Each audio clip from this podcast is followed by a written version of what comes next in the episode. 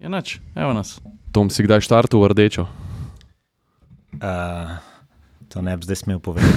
Bom- Najbrž sem, ja. Bom zdaj še enkrat, ker Ja. je rdeča luč. Jure, Je. prosim. Ja, danes imamo pa Ja. ja. sestanek eh, na najvišjem nivoju. Ne? Tak osebinski sestanek, Ja. ni uraden sestanek, ampak eh, meni je v veliko čast, da je z nami podpredsednik Toyota Europe, eden uh, najbolj uspešnih in tudi najbolj pomembnih slovenskih avtomobilskih menedžerjev, gospod Tom Fuchs. Dobrodošel v atmosferskem brlogu. Hvala lepa. Hvala. Dobrodošel. Jaz, tako, ki mi na hitro rečeš, si kar ne predstavljam, kaj vse takšna funkcija uh, zahteva. Predvsem in tudi zato, ker uh, si si vzel čas, zato pa si to štejemo res v čast. Um, da si prišel v naš brlog, pa da razdremo, kakšno. Jure je rekel, da danes sedimo na nek način z vrhom Toyote. ne. Tako, Ja, je pa- kar priložnost. Pa še eden od tistih podcastov, ki si po mojem ljudje reče, a res imamo človeka, slovenca na takem položaju. Ne? Tako, uh, se mi zdi, da, da, da, da gre v to smer. No? Ja. Ena taka naša atmosferska špura se mi zdi, ki se, jo- se jo držimo in v bistvu uh, na nek način ljudje tudi prepoznajo po naše podcaste po tem. ne. Um, A lahko je prvo vprašanje. Ja, Že. Mi dva s Tomom smo pred kratkim skupaj na njihovem zelo znanem Kenšiki forumu, ki predstavlja vse novosti, ampak tam je enostavno premalo časa, pa preveč ljudi, da bi se vse tako zmenili na šteruči, če smem tako reči. Ampak Tom, ta, ta um, funkcija je v bistvu zelo odgovorna. Ne? Vse, kar si Lexusovi pa Toyotini inženirji zamislijo, oblikovalci um, postavijo, uh, v končni fazi moraš ti prodati. Ne? Na tvojih plečih je koliko milijard evrov, tako čez prst. Ma, tam trenutno imamo okoli 40 milijard evrov.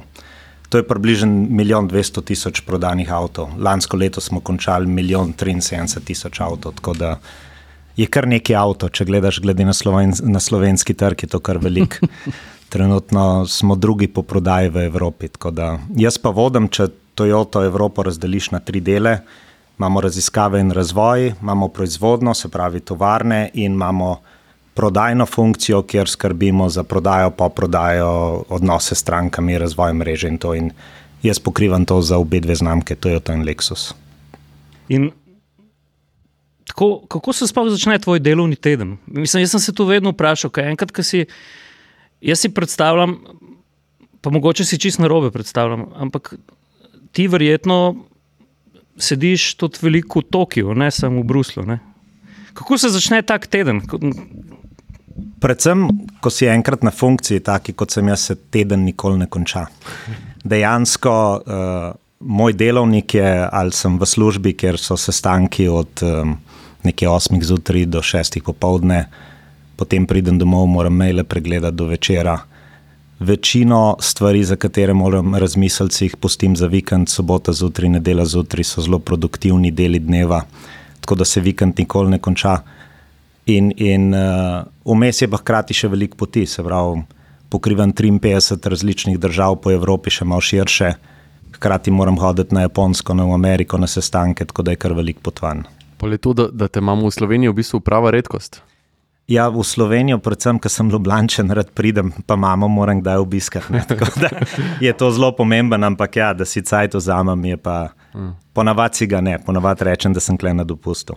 E, je to primeren čas, da zavrtimo malo čas nazaj? Ker, Ja, daj. eh, zdaj smo štartali na aktualen položaj, pa sem pripričan, da se sem še vrnemo pa k, mal k, um, k tem, kam tudi Toyota, pa Lexus zreta, pa kaj vse se dogaja tudi v avtomobilski industriji na splošno. Ampak to mi razloži, mi gre, da govorili smo se, da se tikamo, hmm. da bo jasno tudi vsem, ki spremljajo, poslušajo, pa gledajo. Um, rekel si, da si ljubljančan.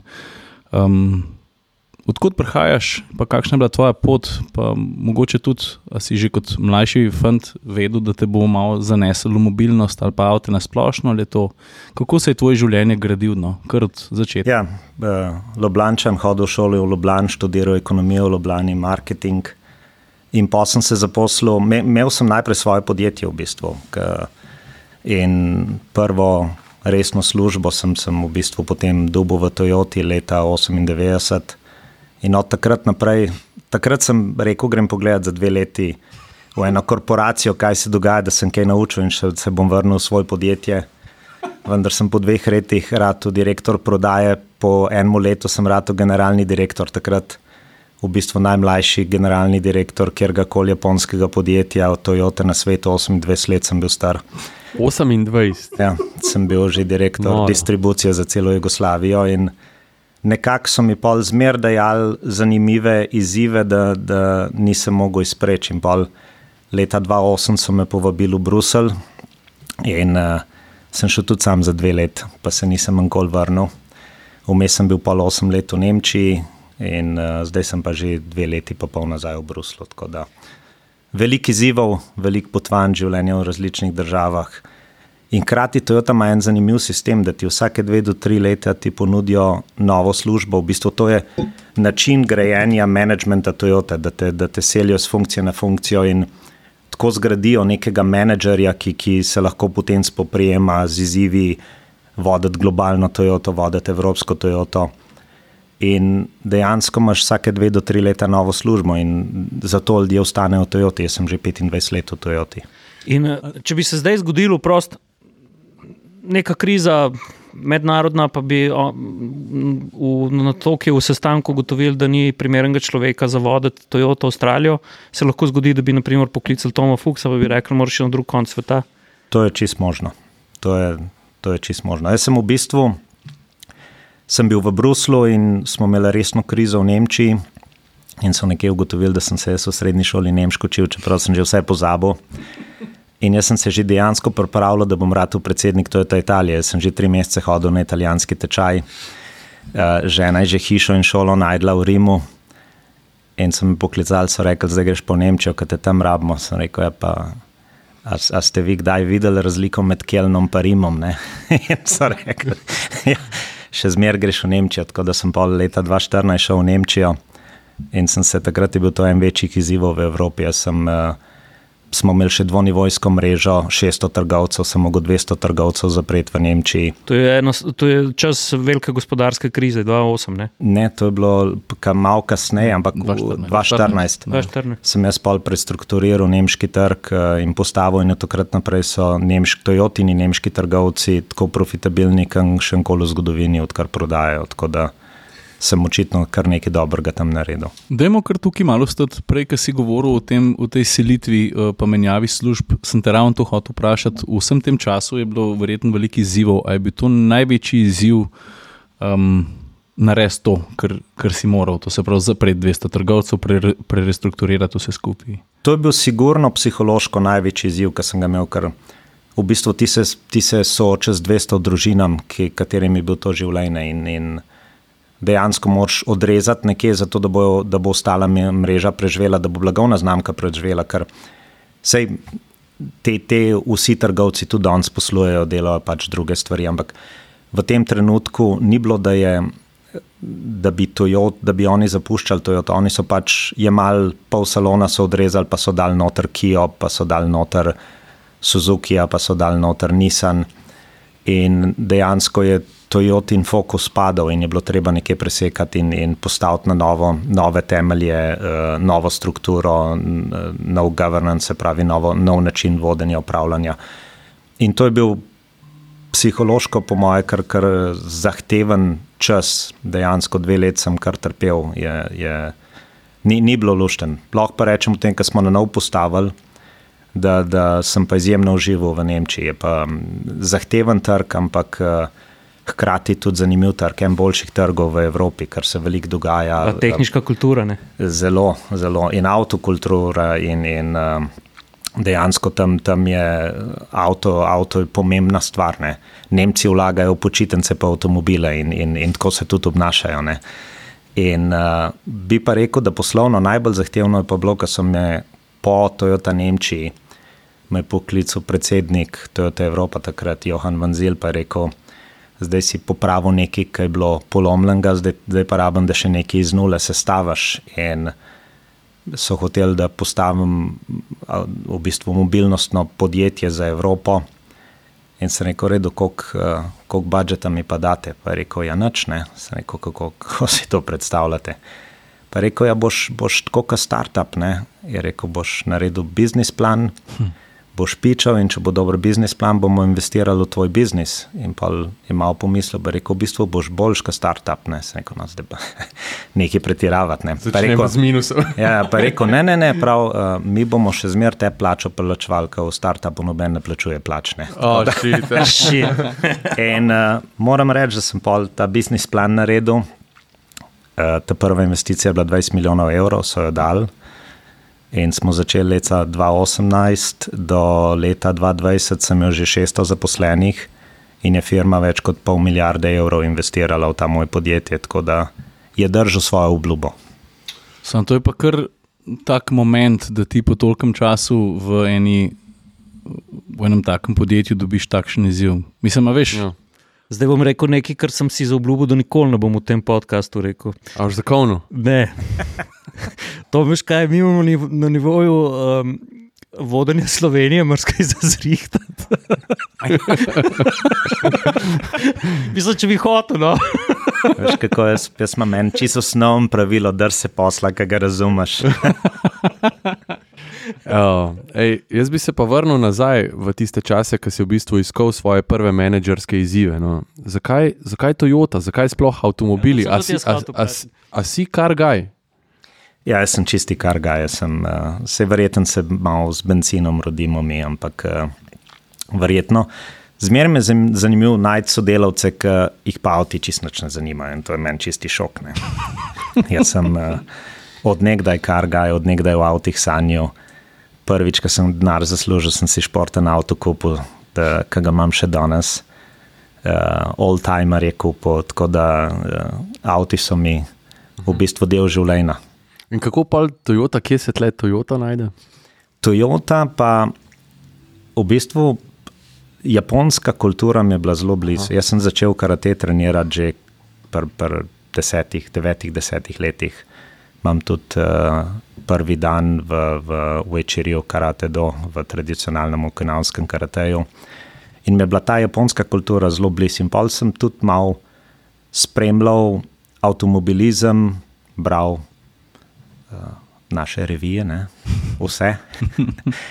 In uh, medtem zasledil podatke o kvaliteti, kjer so najboljši avti, da, v bistvu nemška kvaliteta ni najboljša na svetu, ampak da je mogoče še japonska nad nemško po vseh statistikah. In takrat, takrat sem vodil svoj podjetje, v bistvu sem podjetje ustanovil za, za dobavo športne opreme za borilne veščine. Takrat mislim, da sem imel 50-60% tržni delež po vseh klubih v Sloveniji. Sem jaz dobavljal opremo, imel svojo blagovno znamko, proizvajal v Koreji, pa Pakistanu svoje proizvode, pa, pa tukaj prodajal. A je že tako, tako globalno. Kar? Ja, ja, ja. In, um, To je bilo pred 2000. To, to je bilo, to je bilo v, tam v 90-ih letih. Aha. Jaz sem v bistvu um, prek študenta, vsi moji prijatelji so delali prek študenta, moja punca, zdajšnja žena, je delala mesece in mesece na let prek študenta.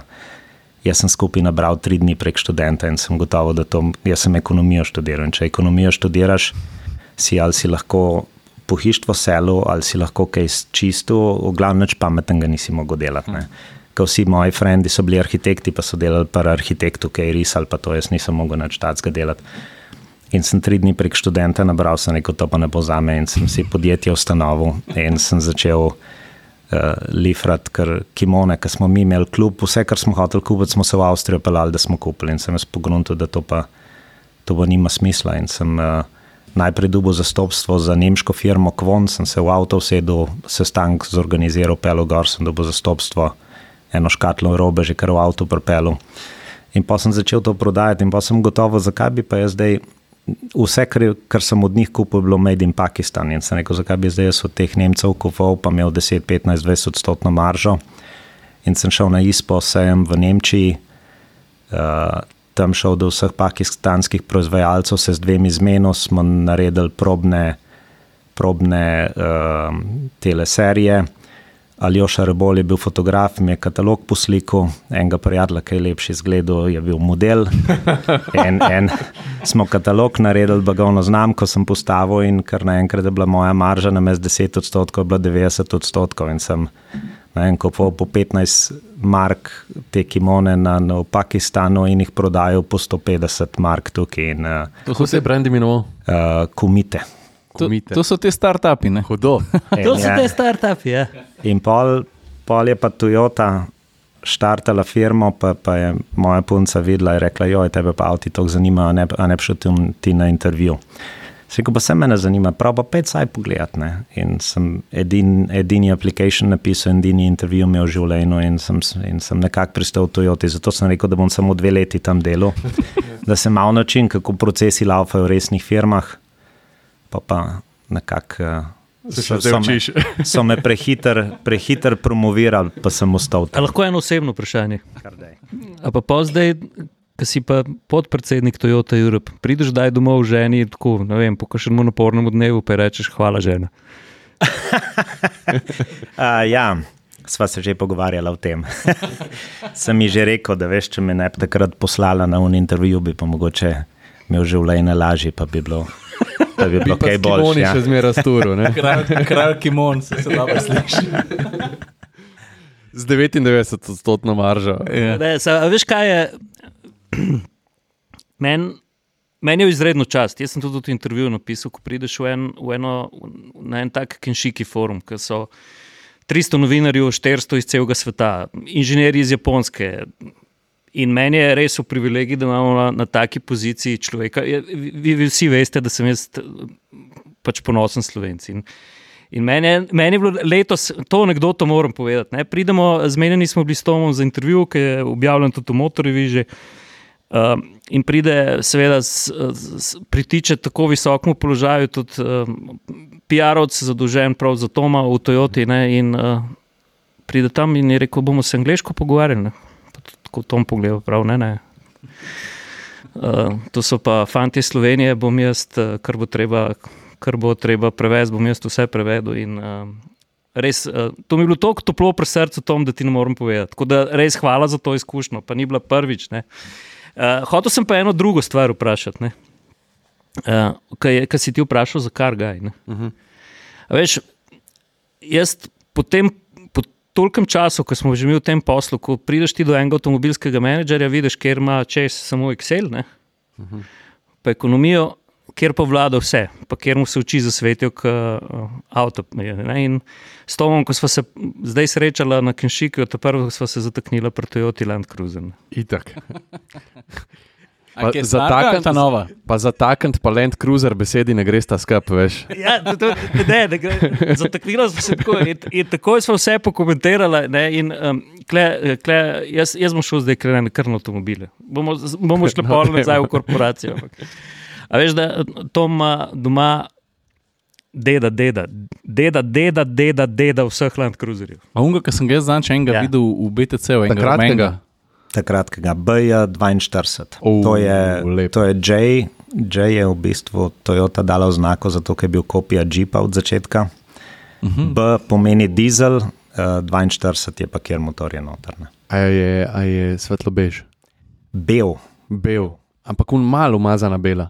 Moja je čista Čist bela, bela. poznam unga, mi je še celo lepši, ampak jaz sem pač tega dubu in je bele barve, uh, body of restoration, čez rihtan, avto je v perfektni kondiciji. Oh, hudo. A ne? Jaz, ki te stare avtomobile vidim, jaz sem zanj enega, jaz mislim, da je to ta, bom pol fotko pokazal, pa prepel. Mene to, kjer, karkoli počnem, vozim avto, če nekaj starega, pa lep ga vidim, ali pa če hodim, mene to zaustav. Jaz, jaz ne morem iti mimo, tle v BTC-ju. Ne, kje so ga midva na zadnje videla, nekje v hribih, na, na, a je bilo na portugalskem? Kje sva bila? Na portugalskem, ja. Na portugalskem Ko smo šli s nek- Continentalom, nekje smo vasi tam vozit, nekje ja. iza nogu. Ja, ampak mi smo ja. ga videli, Tonga pa vosa. Veš, to je Ja, ja, ja. Ne, nek čar je teh starih mehanskih A ne? avtov, ki še čutiš vse, ki dejansko vidiš, kdaj, kdaj se preklop prvi pogon, ga, ga čutiš, da je štirikolesnik, ga uh, menjalnik čutiš, vse je, vse je enostaven, avto lahko do strehe potopiš, pa mu ne bo nič. Se pravi, to, to so še zmeraj tisti pravi avti. A veš, Pa ga kje umažeš? Oja. A res? Avto imam v Istri, Hrvaški in uh, zdaj, zdaj ga ravno uh, preregistriram, da bom pulske tablice imel, da pa me pa ne bom kjer več ustavil. Jaz vem, da Tom ti tega ne smeš reči, ne boš rekel drugače, ampak jaz včasih pravim, da boljši avti, boljši v tehnološkem smislu in vseh ostalih, ne, eh, niso vedno boljši.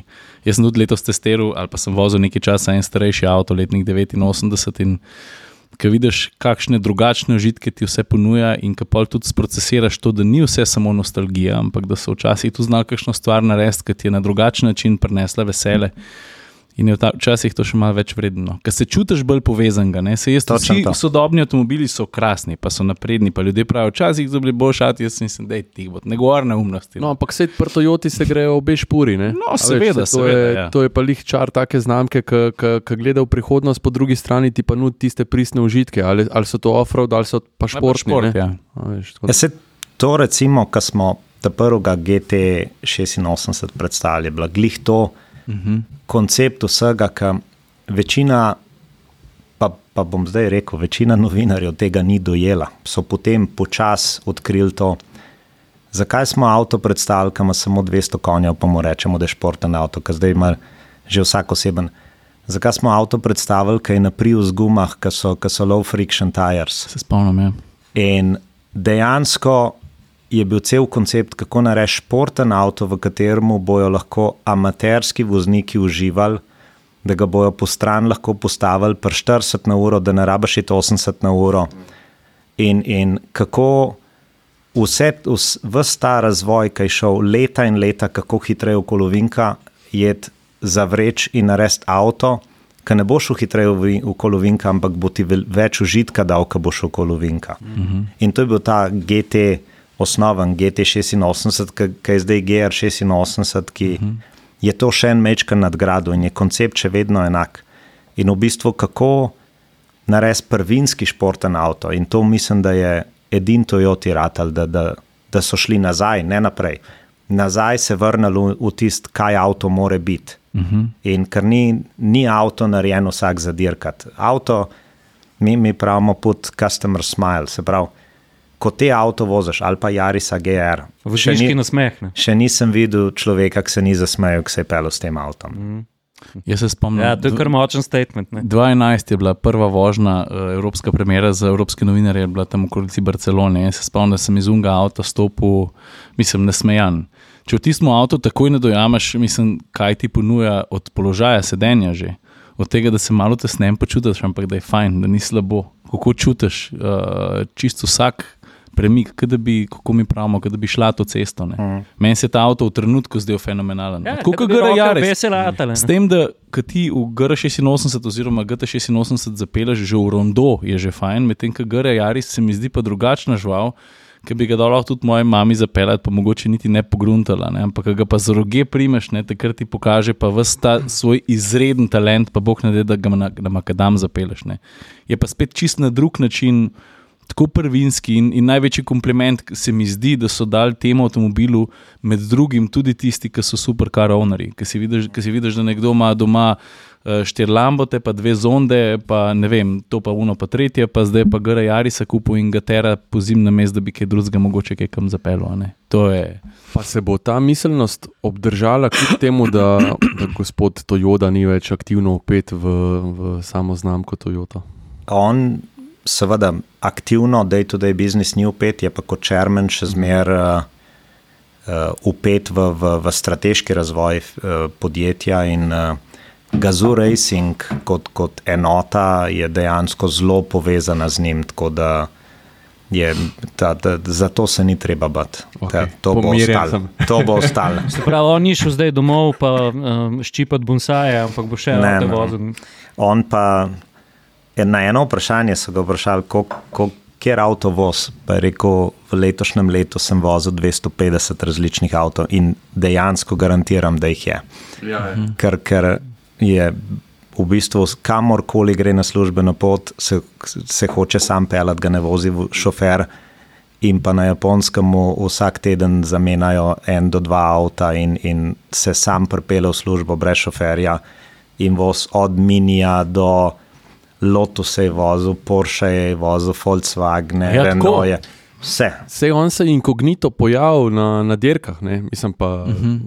po, ne vem, se to zdaj že vsi vejo, da je, da je ne, Mo- Morico. je Morico, njegov. ne, se pojavi pa samo na avtu črne šipe, sploh ne vidiš voznika not, pa samo Morico piše, ne, pa veš, da on vozi avto. Ne. E, e, dom, pa je tvoj poklic pol kaj lažji, ker si predstavljam pol vi sestank, ko sedite. Ne?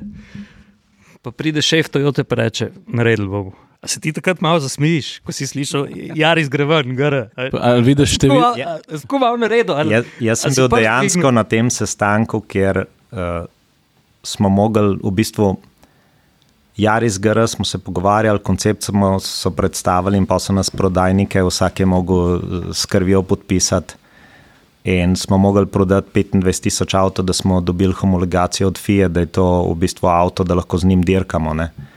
In od teh 25 tisoč jih je, mislim, da takrat 9 tisoč odpadlo na Evropo, in sem jaz mogel na tem sestanku podpisati, da bom 9 tisoč avtov prodal.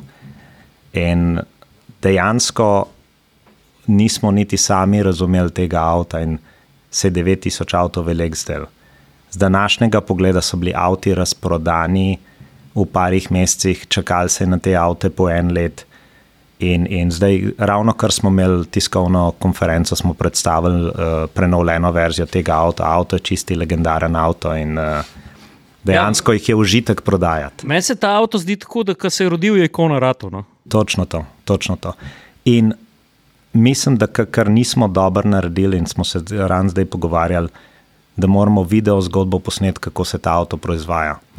Ta avto se vsak proizvede praktično res redi, in, in vsi avti so že v tovarni tako sestavljeni, da so pripravljeni za dirkat.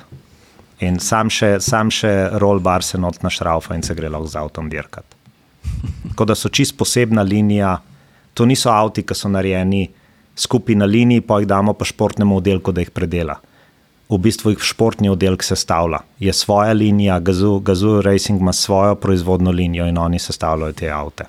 Ampak, če se zdaj vrneš v tisti čas, ki si imel gole številke pred sabo, pa samo neko osnovo, tako rečemo temu sanjaško, ne? koliko je težko v bistvu potrditi tak projekt, ki ti, ki ti nekdo zagotavlja čez neke sanje, čez nek pešen, v bistvu projekt, a ne ti pa vidiš samo Excel pred sabo. Ne? To so kar zahtevne stvari. Komu verjeti, kdaj V verjeti? bistvu, komu, ne? po, po sestanku smo šli na, na racetrack, pa so nam avto dali za no, pelet. pa to lažje. Tako da To je malo po, po eni uri smo bili vsi prepričani, da je dober avto, ampak na onmu sestanku sem pa tam sedel nasproti američana, oba dva sva malo slino pogavteljna. ampak na koncu pač sprejmeš, ne se drugega ni. Koliko Bomo jih je imel nekaj- on za prodati? On je imel pa 12 tisoč takrat, ampak Hudo, na koncu on je to prodal brez problema. Ja. Jaz se spomnim, Jo, hvala Bogu, da si podpisal. Sašo sva bila takrat na eni taki bolj regionalni predstavitvi, to je bilo tik post-COVID, se mi zdi, vsi smo še maske nosili v Italiji, še zunaj. Ja. No, in so naj povabili v tale center, kjer Quattro Roto testira, imajo svojo pisto, long story short, to je blizu Milana, se mi zdi. In sva se najprej vozila po pisti in sva že takoj vedela, koliko je ura s tem avtomobilom, ampak pa je bilo hecen, ker smo dobili še avto za uro, dve malo naokrog za voziti. In jaz sem rekel, ok, zdaj pa, mislim, zdaj enkrat tole šanso imamo, vprašanje, avto bo, ne bo, jaz ne vem, jaz bom izkoristil in sem najdel en makadam. Sem rekel, jaz ga bom zdaj lepo gnil. Vse v, v, v unmu materialu predstavitveno je skozi nek pesek leto, ne. Pa gospod Tojoda ga je tudi vozil tam neko predstavitveno vožnjo po pesku. Vse to smo videli in sem izkoristil un makadam, ker sem hotel dobiti tri, štiri zanimive kadre. In jaz sem tiste tri, štiri zanimive kadre dobil v točno desetih minutah, ampak ker nisem hotel nehati voziti in sem eno uro napil tisti makadam, sem si mislil, da ta lepoten bo tako popeskan. No. Ampak je bil, a veš, ker te pa avto tako odnese, pa je mehen avto, pa spet nima ekstremno veliko konjev, ampak ta dinamika, ta know-how, pa ta občutek, ki ga ti- dobiš čez ta avto, je. Noro, noro. Jaz sem po domač za popizdi dobro. Se veš, res, jaz, sem, jaz sem celo en, uh, imam en GoPro footage, ki so si s tem avtom takoj roke dale. Ne? Ja. Je v bistvu en, en dolg desni ovink, mislim, da je tam okrog 160 ur, nekaj takega, ajde rečemo Mhm. 140, 160. In avto je ves, ves cajt napeta, ne? ampak je bila pa še kasta proga, ne? malo mokro, malo Mhm, suho. Se spomnim, ja. In jaz, ved, jaz z levo bremzam. Ne? In, in ga, sem ga balansiral z levo, malo vinko, da je počepno. Ne? Ampak ker je bilo pa šleka, sem pa v nekem trenutku malo spustil in je avto pobegnil. Ampak avto je meni dve sekundi prej povedal, da, da se bo to zgodilo. Ja, ja. In jaz sem volan, še preden je on šel, Ja, sem jaz že volan poravnal, si že korekturo delal. ampak uh, moraš gledati unga zraven. Ne, Ja, ja, oni skočijo. Ja. ne, ni, ne skočil, ampak je videl, da je Da vse je pod vse- kontrolo. Ja, ja. In je videl, da sem jaz že prej volan tok na moto, kot ga bo treba ujeti. Ja. Pa še preden je avto se vračal nazaj, sem Ja. ja. jaz že dal volan tok, kot ga bo spet treba vrniti. Ja. Da ni unga cukanja trikrat, štirikrat zapored. Ej, Če ne bi on vate zaupal, bi se že drl. It is not the race of your life. Ja, ja, ja. Ampak mi dva sva se z unim avtom. Enkrat cuk, dvakrat cuk, Ja, ja. gremo naslednji vink. Tako, pač res, je, Krasen res je bil avto, ja. tako povedan avto, tako, mislim, je povedan, ne, da je bil. Ja. I, To- jaz se spomnim, jaz sem bil takrat predsednik Toyota Nemčije in smo organizirali pa takih testnih voženj. In v eni smo ga dali Walter, Walterju Roru pelati in A ja. se je zapeljal in stop ven in pred kamero, jaz sem bil čisto šokiran, ker mu nismo nič plačali, nič. Čist navdušen, je rekel, prav ta avto se pa tako pele, kot Audi Quattro, ki sem ga dirkal. Prav, to, prav ja. Mirno bi ga postavil zraven in dirkal proti Audi Quattro, je zdaj. A res, a kaj, da ti pa en tak lik to reče. Ja, ne, pa se so tudi torsni not. Ne. Ja. Eh, š- Walter Orl je bil en izmed treh ljudi, ki sem jaz selfie prosil z njim. En je bil Goran Dragič, drugi je bil Alan Prost, pa Walter Orl. Meni si, meni si tudi že rekel. Jaz sem, pa, jaz sem pa na finskem rekel, gospod Walter, jaz sem tri Walterje poznal. En je moj bratranc iz reke, en je Brano Sarajevo, en ste pa vi.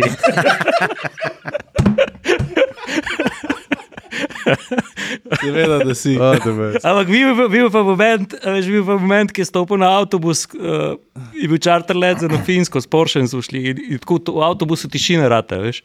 Tako tišina, se vsi naenkrat obrnemo in, in njemu kar malo tako narodno rata, veš. Pač je, je persona. Ne. Uh, Ja. Tom, a, a ti se greš, da je um, po službenem sestanku iz užitka zapeljati? Imaš dostop do- čas? Ali, ali pa čas, ali pa imate. Ima, ima Bruselj take ceste.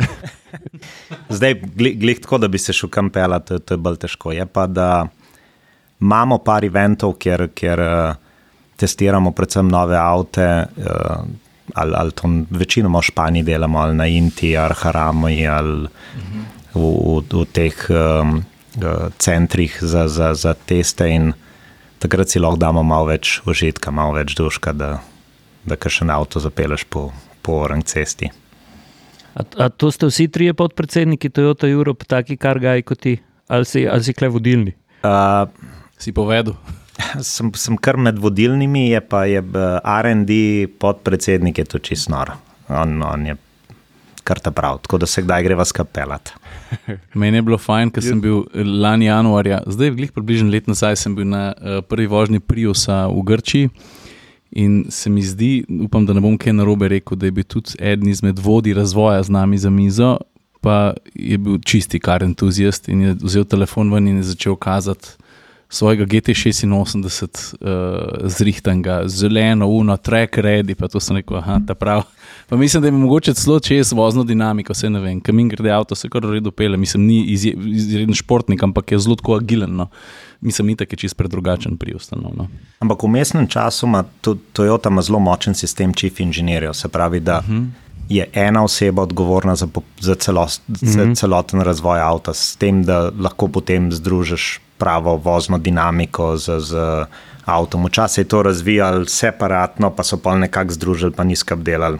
Aha, zdaj pa. Zdaj pa en inženir, chief inženir, odgovoren za razvoj avta. In te chief inženirji so dejansko ročno zbrani, kar gaji, entuzijasti in uh, vsi dirkajo, vsi prenavljajo stare avte, uh, EI 86, Levino, neko role, ta stare, toma, uh -huh. ali pa supreselike.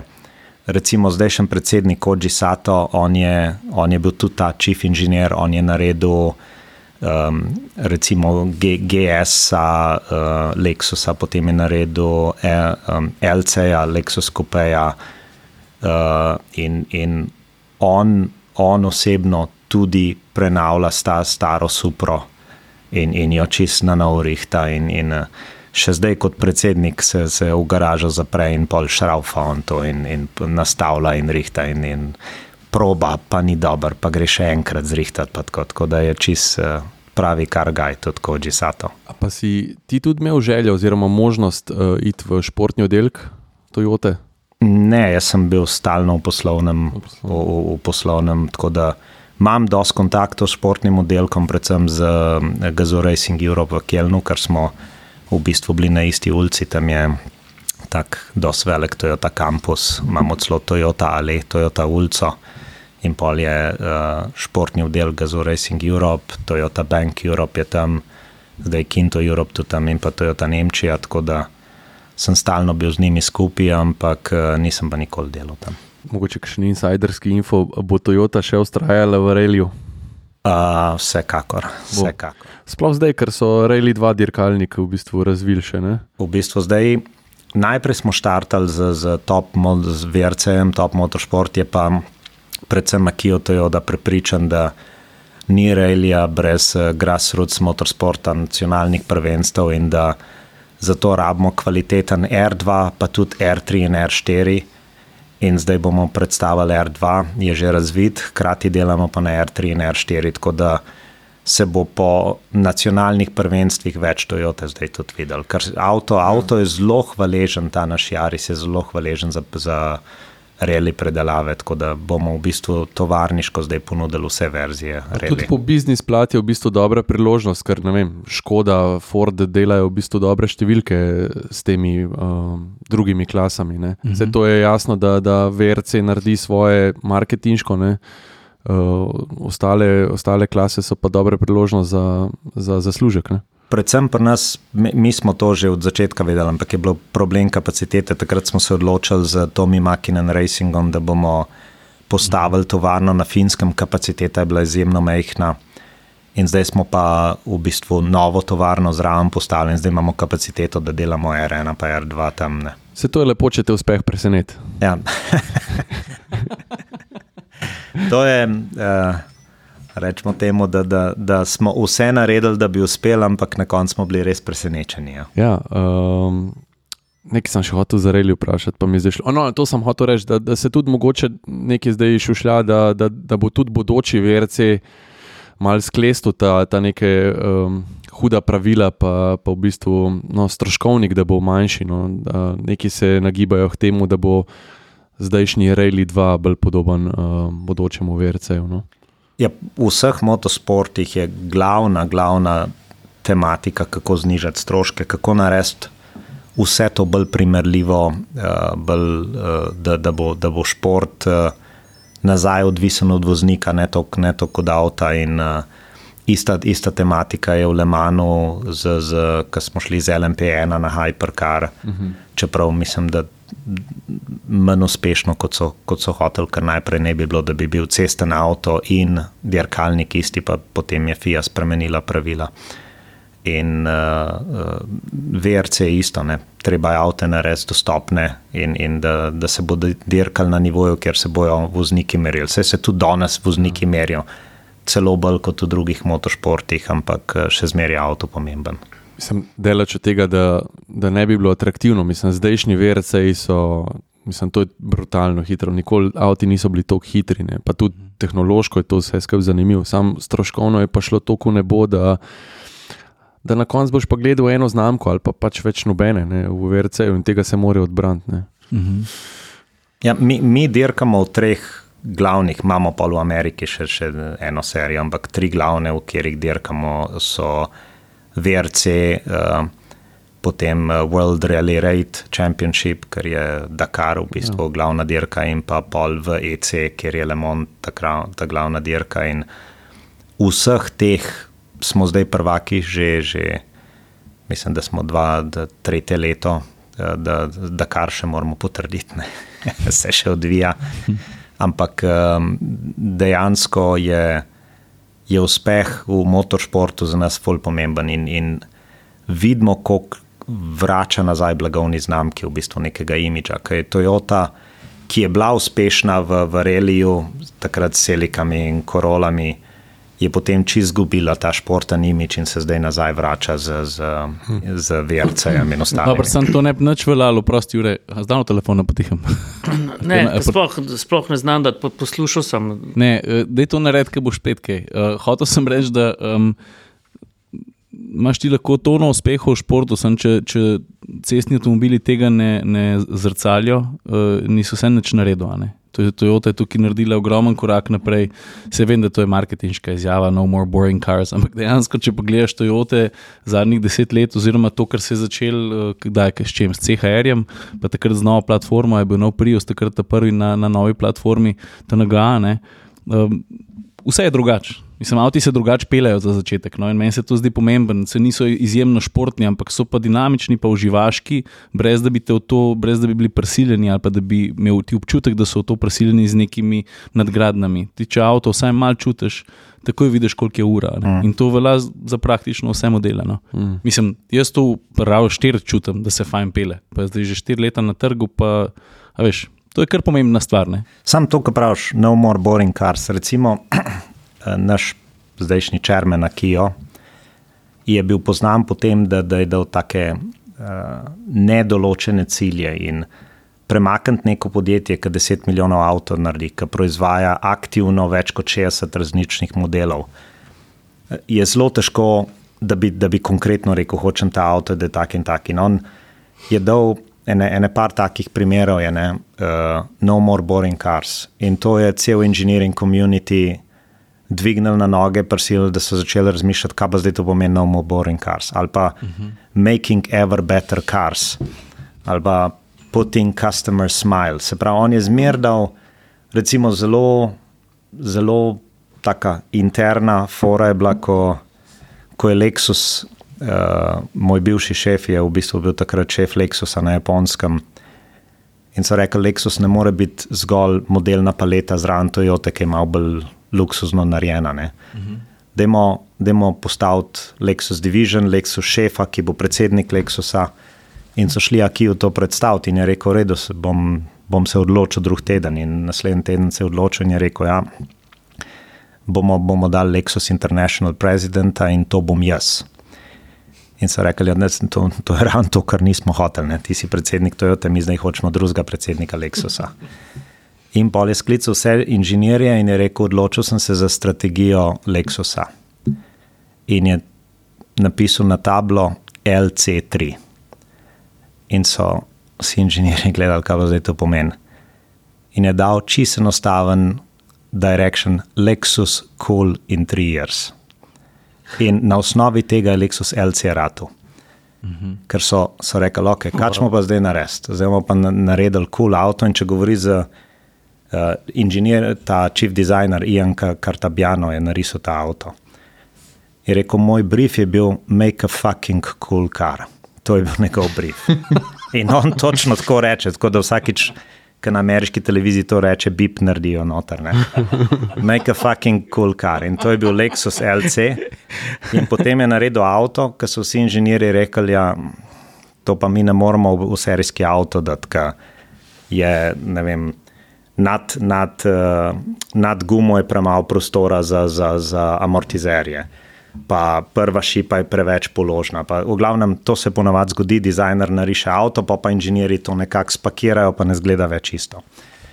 In pa je bila cela zadeva, ok, zdaj smo naredili kul cool koncept, a znamo narediti iz tega avto. In je Akijo zahteval prvič, da je serijski avto isto konceptnemu avtu. Od takrat naprej, recimo CHR je zdaj serijski avto isto konceptnemu avtu.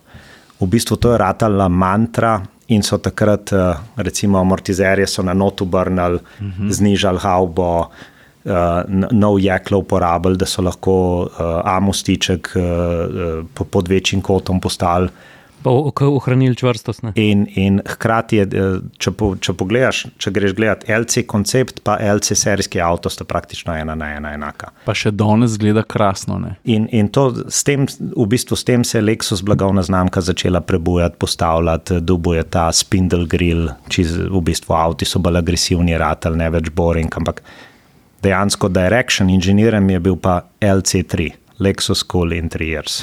Hudo.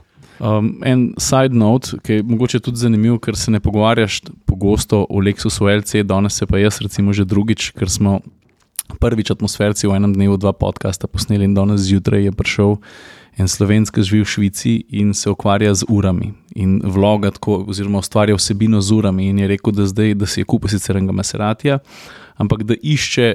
Cool avto in da ima gledano okrog, in je imel v ožjem izboru pač Continental GT, pa LC-ja. Uh -huh.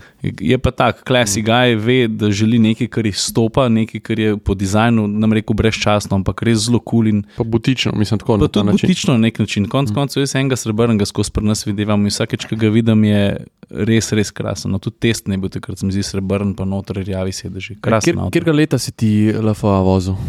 12 na Nürburgringu. Takrat je bila predstavitev Nürburgring Edition, sicer je LFA že prej vam prišel. In to je bil uh, pač moj, moj, moj uvod v Nürburgring, ki je bil ne, v LFA-ju. Nordschleife ali Nordschleife. Ja. A lahko povem to zgodbo na hitro, vse po mojem sem jo že. Um, v bistvu sem se jaz v to zgodbo mal, bom rekel, uh, pretihotapil, pa ne čez resno. Jaz sem takrat že delal dolg časa kot novinar na Siolu, ampak tudi kot fotograf in snemalc. In takrat je za Siol tudi delal uh, popov novinar David Stropnik in on je dobil vabilo s strani Toyota Slovenije, če bi, če bi prišel.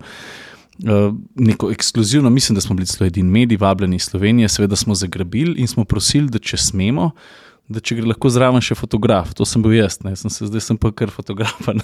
No, in pridemo gor in smo uh, pač kar naenkrat, tista pista je bila za nas predstavitev tiskovna konferenca Nürburgring Edition, ki je bil unta oranžen, mal drugačen, pa še mal hitrejši, pa tako.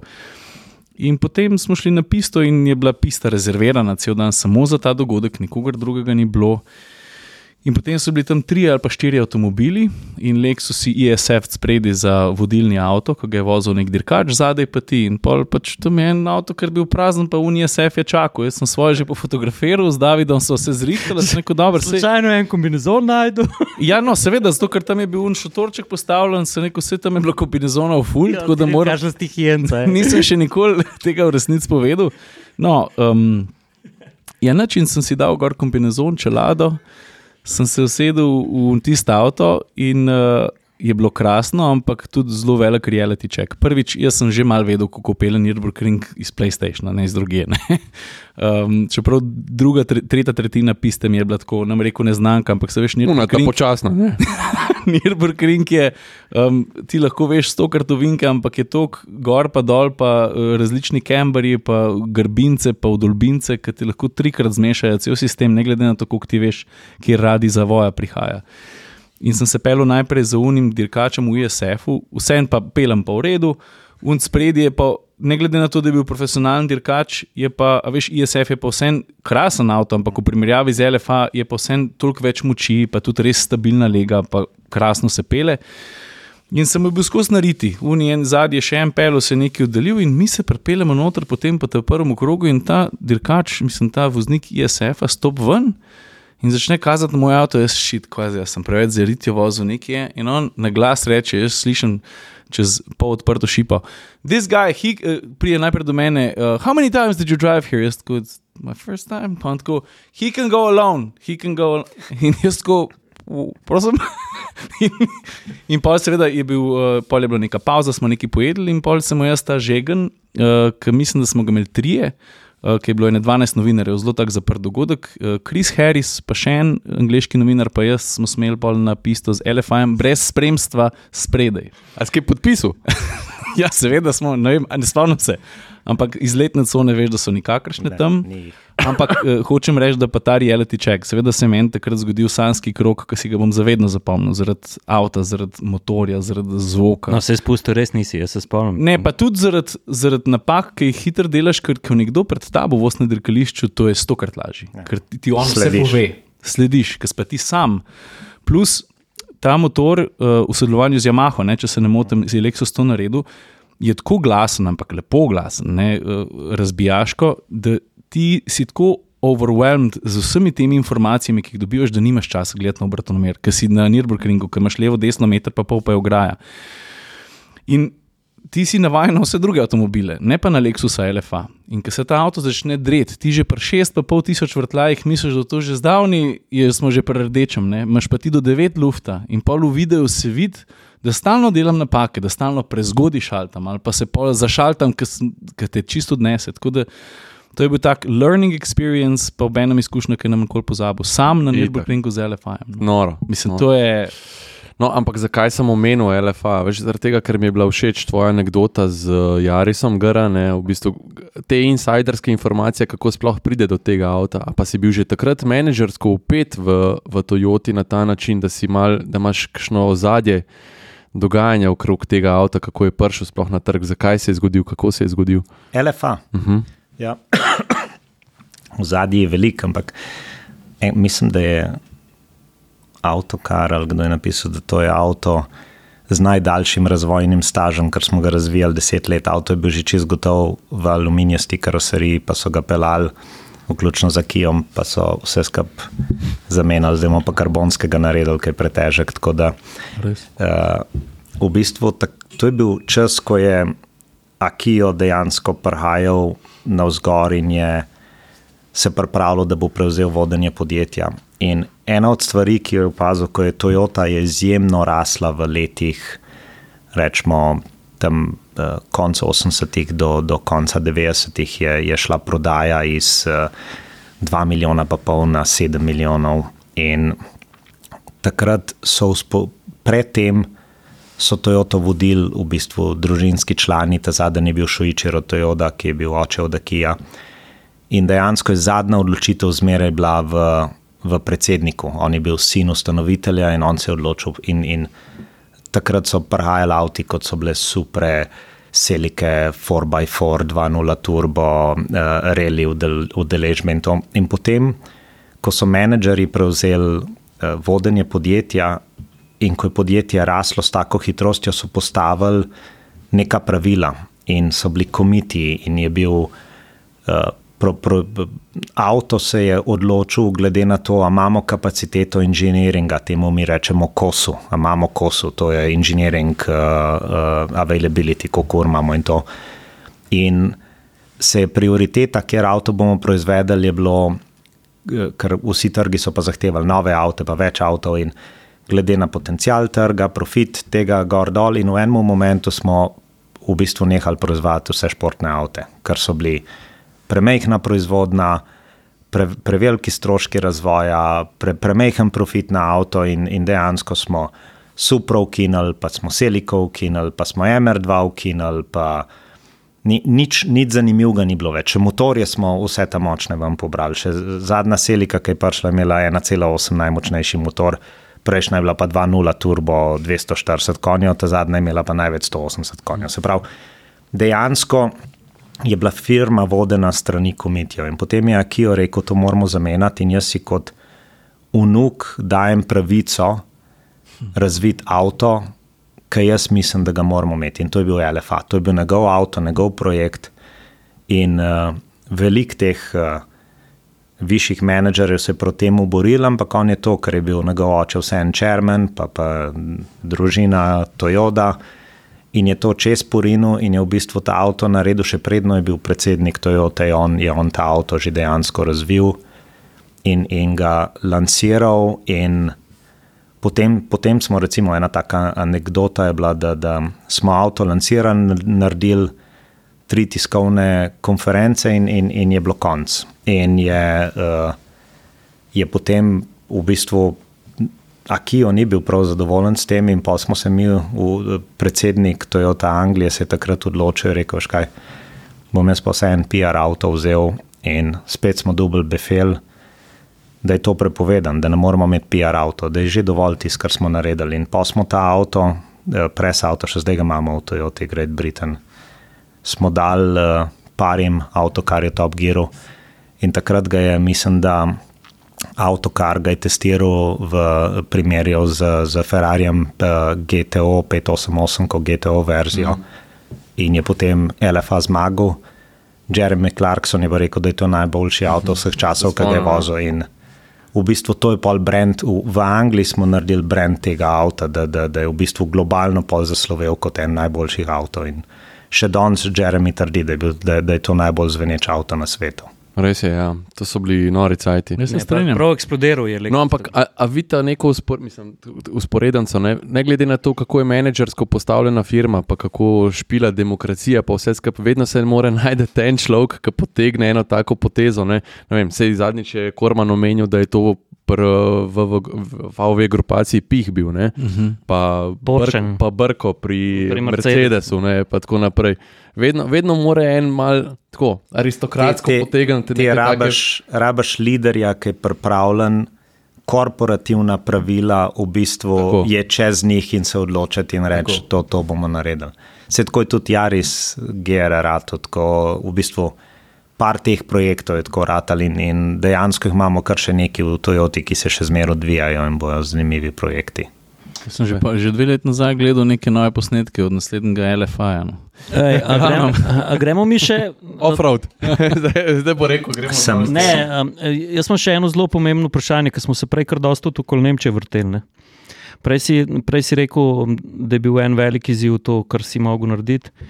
Kuk je bil pa velik izziv takrat, ko si bil ti v Toyoti Nemčiji um, na Uniderki v Lemanu, uh, ko ste obstali pred ciljem. A je, to bilo, a, bil je, tam? a je bilo to bolj boleče, kot Tista dirka v Lemanu, jaz imam še rokavice od vseh treh voznikov podpisane doma. In sicer takrat sem se zmenil z, z timom, da bom naredil nagradno igro med uh, Toyotinimi trgovci Timo Glok. uh, in bojo, bojo snel uh, kombinizone, se podpisali in bo tiskaj, ki je zmagal v prodaji, bo dobil kombinizon, odkar smo dejansko pričakovali zmago v Lemanu. Bo dobil ta kombinizon, on, ki je zmagal po prodaji, bo drugega, te tiskaj v, do, v dodatni opremi, pa tretjega. Za neko rokavice pa podpišite, pa jih dajte meni.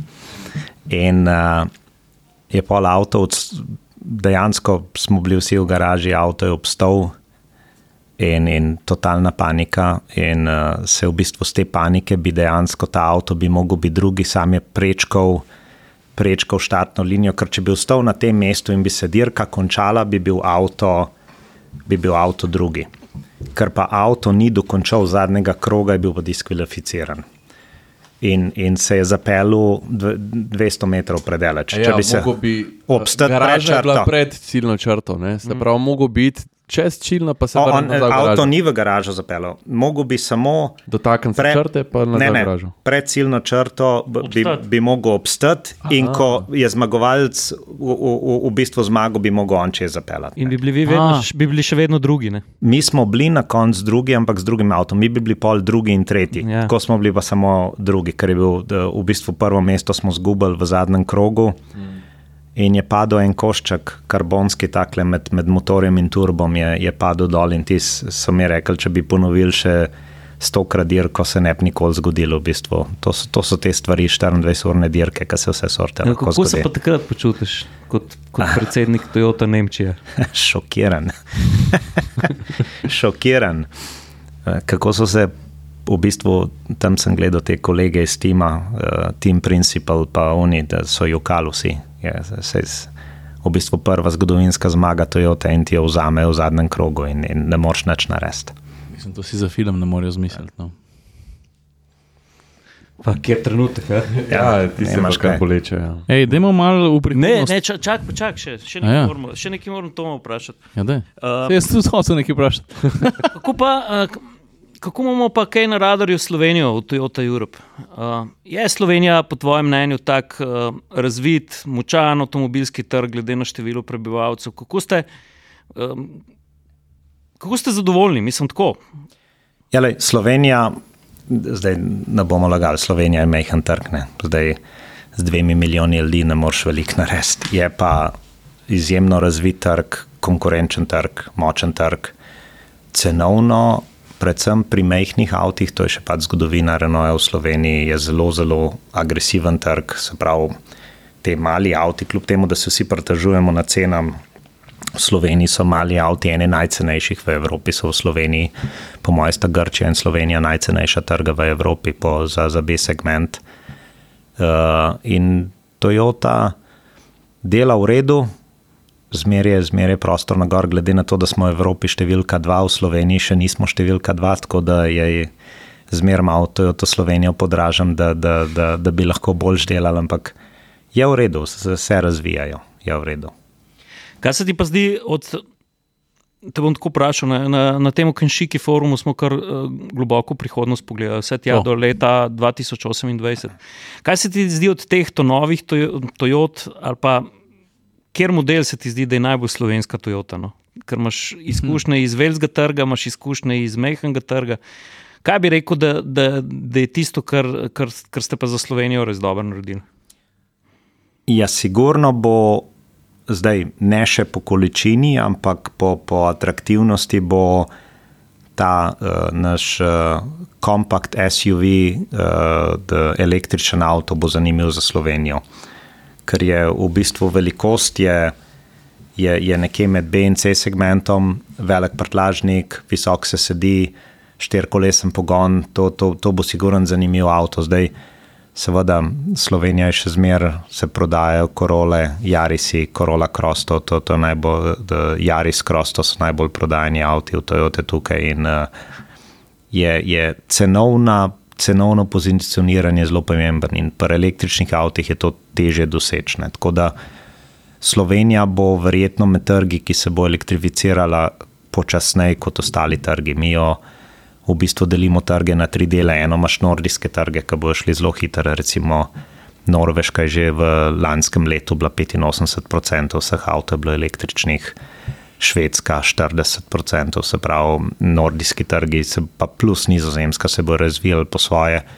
Potem bodo te zahodnoevropski trgi, ampak kjer, kjer govorimo o recimo eh, Nemčija, Francija, Anglija, eh, ker južnoevropski, Španija in Italija sta dejansko na nivoju Slovenije danes, se zelo, zelo počasi elektrificirata. Ampak je, je pa Slovenija je zanimiv trg, konkurenčen trg, pa, pa cenovno zelo agresiven trg. Tako da bo ta elektrifikacija bo kar boleča za Slovenijo, ker se bojo mogle cene dvigati. Ampak hecam, da, me, da, da je Slovenija isto pozicionirana kot Italija, ker veš, glede na to, kako smo centralizirani, pa na majhnost, smo idealni za električne avto. Mislim, iz tega pogleda, ne? pa veliko hiše, pa veliko nekih privat, eh, priključkov, pa vsega. Ne? Pa tudi infrastruktura ni tako slaba spet. Ne? Pro, problem elektrifikacije ni to, da zdaj ljudje ne bi mogli uh, kupiti električen avto, ga polniti. To Slovenija je sigurno idealna, kar ja. se tega tiče, glede na, na, na, na odstotek ljudi, ki živijo v hišah, ki si lahko po, v bistvu svojo polnilnico postavijo pre, pred hišo. To, to, poleg tega pa nek normalen električni avto se da tudi preko noči skozi 220-voltno utičenco napolniti. Vsaj za 100 km. Ja, sej, dejansko, če, če, če si discipliniran, pa ga vsakeč uštekaš, se bo čez vikend napolnil, pa ga pa, pa, ga pa dopolnjuješ in, in, in dejansko lahko zlaufa.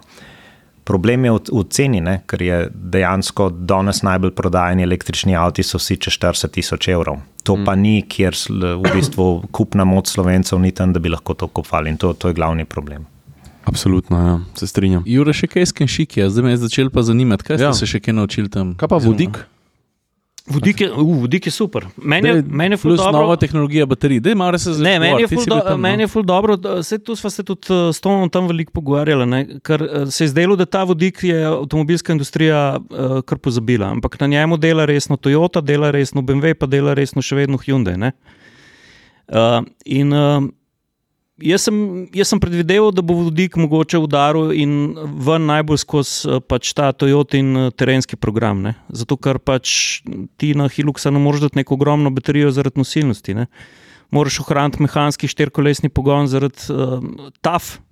Stvari, zaradi tega, ker je tu avtomobilski alpinist, pa moraš ohraniti vlečno moč. Ne?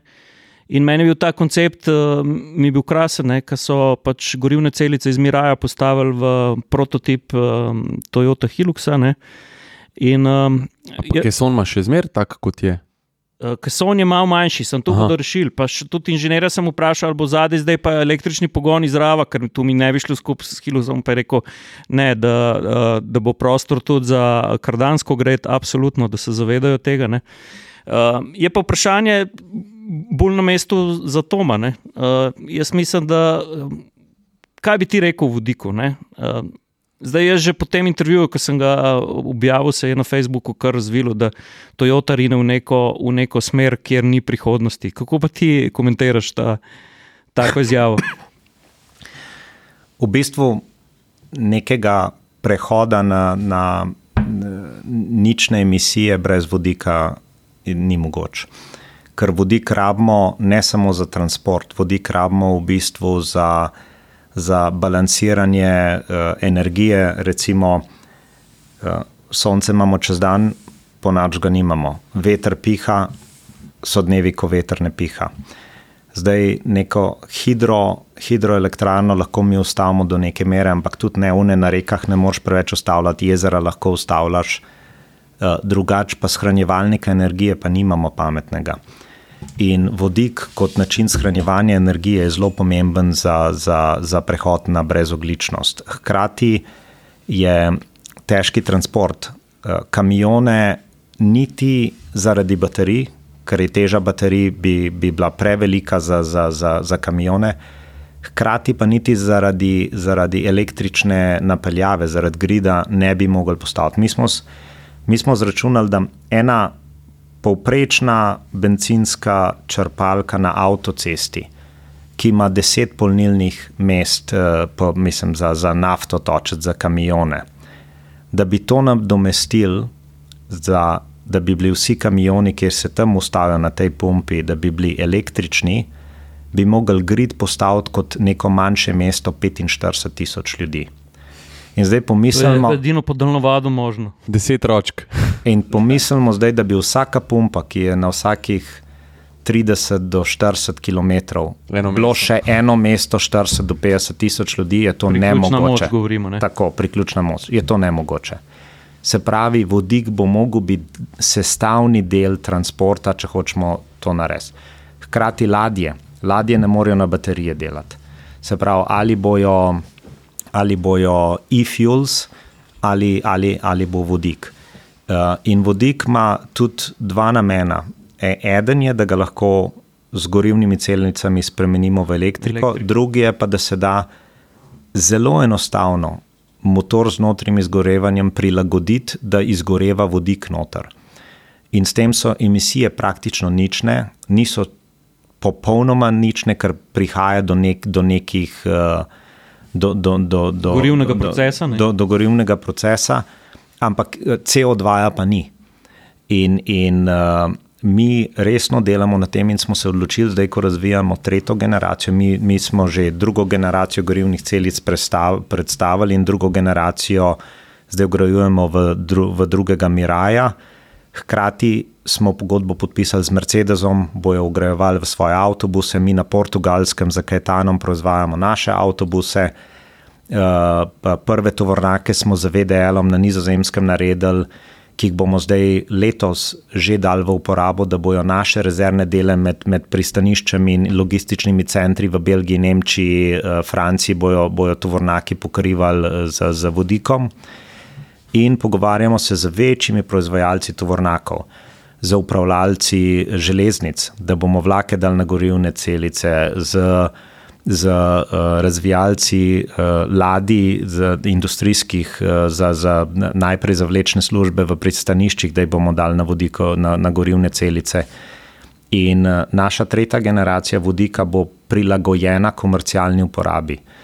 In hkrati bomo tudi naš komercialni program, program prilagodili na vodik celoten, zdaj pa prvi pokazatelj tega je naš Hilux, ki, ki, ki bo imel vodik. Se pravi, vodik se bo razvijal naprej in, in bo del transportnih rešitev, vendar zato, da lahko, uh, da lahko te točilna mesta oziroma uh, postaje, ki, kjer, kjer, kjer imamo vodik, da preživijo, moramo zadostno število avtov dati na cesto. In dejansko se to dobro umnese, ko naredimo tako imenovane ekoklasterje. Zdaj razvijamo kar nekaj ekoklasterjev, Hamburg bo en ekoklaster, Pariz imamo svoj ekoklaster. V Parizu imamo že tisoč mirajev, kot taksiji so, so, so v mestu. In, in pet postaj živi fantastično s tisoč miraji in nobenih problemov. Je pa, recimo, vidimo problem v Nemčiji, ko je država dala subvencije za, izgrad, za izgradno vodikov, vodikovi postaj. Uh, ne daje pa nobenih subvencij za obratovanje. In vidimo, da se manjše postaje, predvsem v ruralnem delu, so se začele zapirati. In, in dejansko je zdaj cel, cela debata v Nemčiji, kako zdaj to ohraniti, ker Nemčija je že šla na 150 pos, v bistvu to, točilnih mest, hočemo iti na 200 in 200 se da že normalno živeti v Nemčiji, ker z 200, z 200 postajami se pokrije Nemčija fantastično, 400 bi bil, že, bi, bi bil pa čist optimum. In, in uh, vodik, vodik se razvija, sam je ta enostavno vprašanje, uh, chicken and egg, ne, ko, ko rajn jajce, kaj bo prej. Zdaj Toyota se je odločila, da bo pripeljala kuro, ne? mi imamo svoj avto, mi, mi imamo svoje gorivne celice, uh, naše gorivne celice, kar nekaj konkurentov uporablja tudi naše gorivne celice in veljajo za ene najbolj kvalitetnih na trgu, tako da mi smo pripravljeni. No, dobro, se je podoben je bilo tudi s hibridom, ne? pa se, pa se je malo polegal, pa je pa bil spet boom, ki so ga vsi na koncu zagrabili. Tako da verjamem, da bo na nek način kaj podobnega tudi s tem. Mene, predvsem, mislim, meni je predvsem pomembno to, ne, da pač uh, pri Toyoti ste se odločili za raznoliko mobilnost, ne, da svet ni uh, črn pa bel. In, in to je po moje, po moje zelo pomembno. Ne, ker, Mi smo zdaj občutek dubli v Evropi, pa me popravi, če se motim, ne, da pač bi vsi radi samo elektriko, ne, ampak se je jasno pokazalo, da vsi in vsi, in vedno vsi ne bodo mogli na elektriko. Ne? To je zdaj že jasno. Ne? In zato je pomembno, da je pač ena avtomobilska znamka, ki je na srečo uh, globalna, ne? rekla, ja, mi pa imamo rešitve za, za uh, celovito mobilnost. Ne? V bistvu je več problemov prehajati, v bistvu samo, ne more biti samo ena rešitev. Mi, mi pravimo, da je multipath, kot, kot mi, da, mam, da razvijamo več tehnologij, edina prava stvar in sicer več stvari. Prvič, ne morajo vsi jeti na elektriko in ne morajo vse regije jeti na elektriko. Recimo zdaj ponuditi električne avte neki afriški državi, ki še grida nima za, za luči pržgati, je, je bolj, bolj vprašljivo. Ne. Hkrati pa tudi, če bi vse resurse današnje, ker mi vendarle proizvajamo 10 milijonov avto, če bi mi zdaj obrnili pa kar vse avto z baterijami opremili, pa dali vse resurse v te baterije, ne bi, ne bi pripomogli k temu, da znižamo oglik maksimalno. Prvič, vsi ne bi mogli teh avtomobilov kupiti, drugič pa uh, narediti avto z 90 kW baterijo, ki ima 600 km dosega, pa se pa vsak dan 20 km peleš, ni najboljši izkoristek kapacitete te baterije. In uh, razporediti te baterije, recimo v hibridne avte, ki, ki pač uporabljajo iste rare materijale, samo v hibriden avto damo 1,2 do 2,5 kW baterijo na mes 90 kW baterijo, lahko mi dejansko 50 avtomobilov proizvedemo in te avti dokazano se pelejo 50 odstotkov časa uh, z, z ugasnenim motorjem. Mi smo v nemške taksije, v desetih nemških mestih smo dali telematics device in smo merili, in ko se avti samo po mestu vozijo so bili 70 odstotkov v povprečju za ugasnjenim motorjem.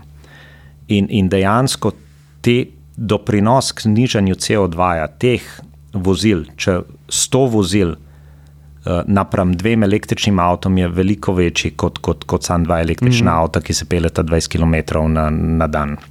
In dejansko Toyota razmišlja, da je boljš znižati CO2 danes, čim več je možno in nekako preiti na to brezogličnost, uh, pomagati vsem, da, da, da, da prispevajo boljše, kot se fokusirati samo na eno tehnologijo. In itak je, je zdaj že počasi vsem jasen, da čist vsi ne bomo mogli električne avte voziti. In zdaj rešitev, kako pa ostale pripeljati do tega, ki, ki nimajo možnosti poventi. In te, te rešitve zaenkrat še ni, in, in vodik bo ena od solucij vodik na notranje zgorevanje, se pravi, ponuditi, kjer Toyota tudi to razvijamo, neko aftermarket varianto, da lahko benzinski motor predelate na, na, na, na, Vodik. na vodikov na notranje zgorevanje in, in s tem se pelete z ničnimi emisijami tudi, tudi v prihodnosti. Tako da bi danes dal plinsko plin. Tako, nekaj podobnega. Je malenkost bolj kompleksno, ampak ne pretirano bolj kompleksno. Tom, a, a imate mogoče te izračune, ker jaz vem, ker sem vozil prvo generacijo Miraja prav v Hamburgu na, na uh, mednarodni predstavitvi. Takrat smo se tudi z vašimi inženirji zelo o teh uh, gorivnih celicah pogovarjali in tako naprej. Uh, takrat vem, da je bila še pa, ne, pa se ne spomnim cifre iz glave, ampak da je bila velika, velika razlika v, v ceni postavitve um, vodikove črpalke ali pa električne, mobi, uh, električne polnilnice DC. Ne? Uh, pač Zaenkrat je problem vodika pri osebnem avtomobilu ali pač ne ta visok tlak 700 barov, ne gre v gorivno celico in tudi vodik je shranjen pod uh, uh. rezervari 700 bari. Ampak danes te vodikove črpalke, tu komprimiranje tlaka ni več tako drago. ali Kako? V bistvu cene so se znižale na 20 odstotkov takrat, se pravi, če je bila takrat nekje cena 5 milijonov za, za eno črpalko, je zdaj pod milijon. Je pa še zmeraj ostaja ta uh, 700 barov, kompresorje je treba vzdrževati, je treba, pa, pač je, je več stroškov za, vzdržvan, za vzdrževanjem neke vodikove črpalke ali pa, ali pa normalne črpalke. Ne.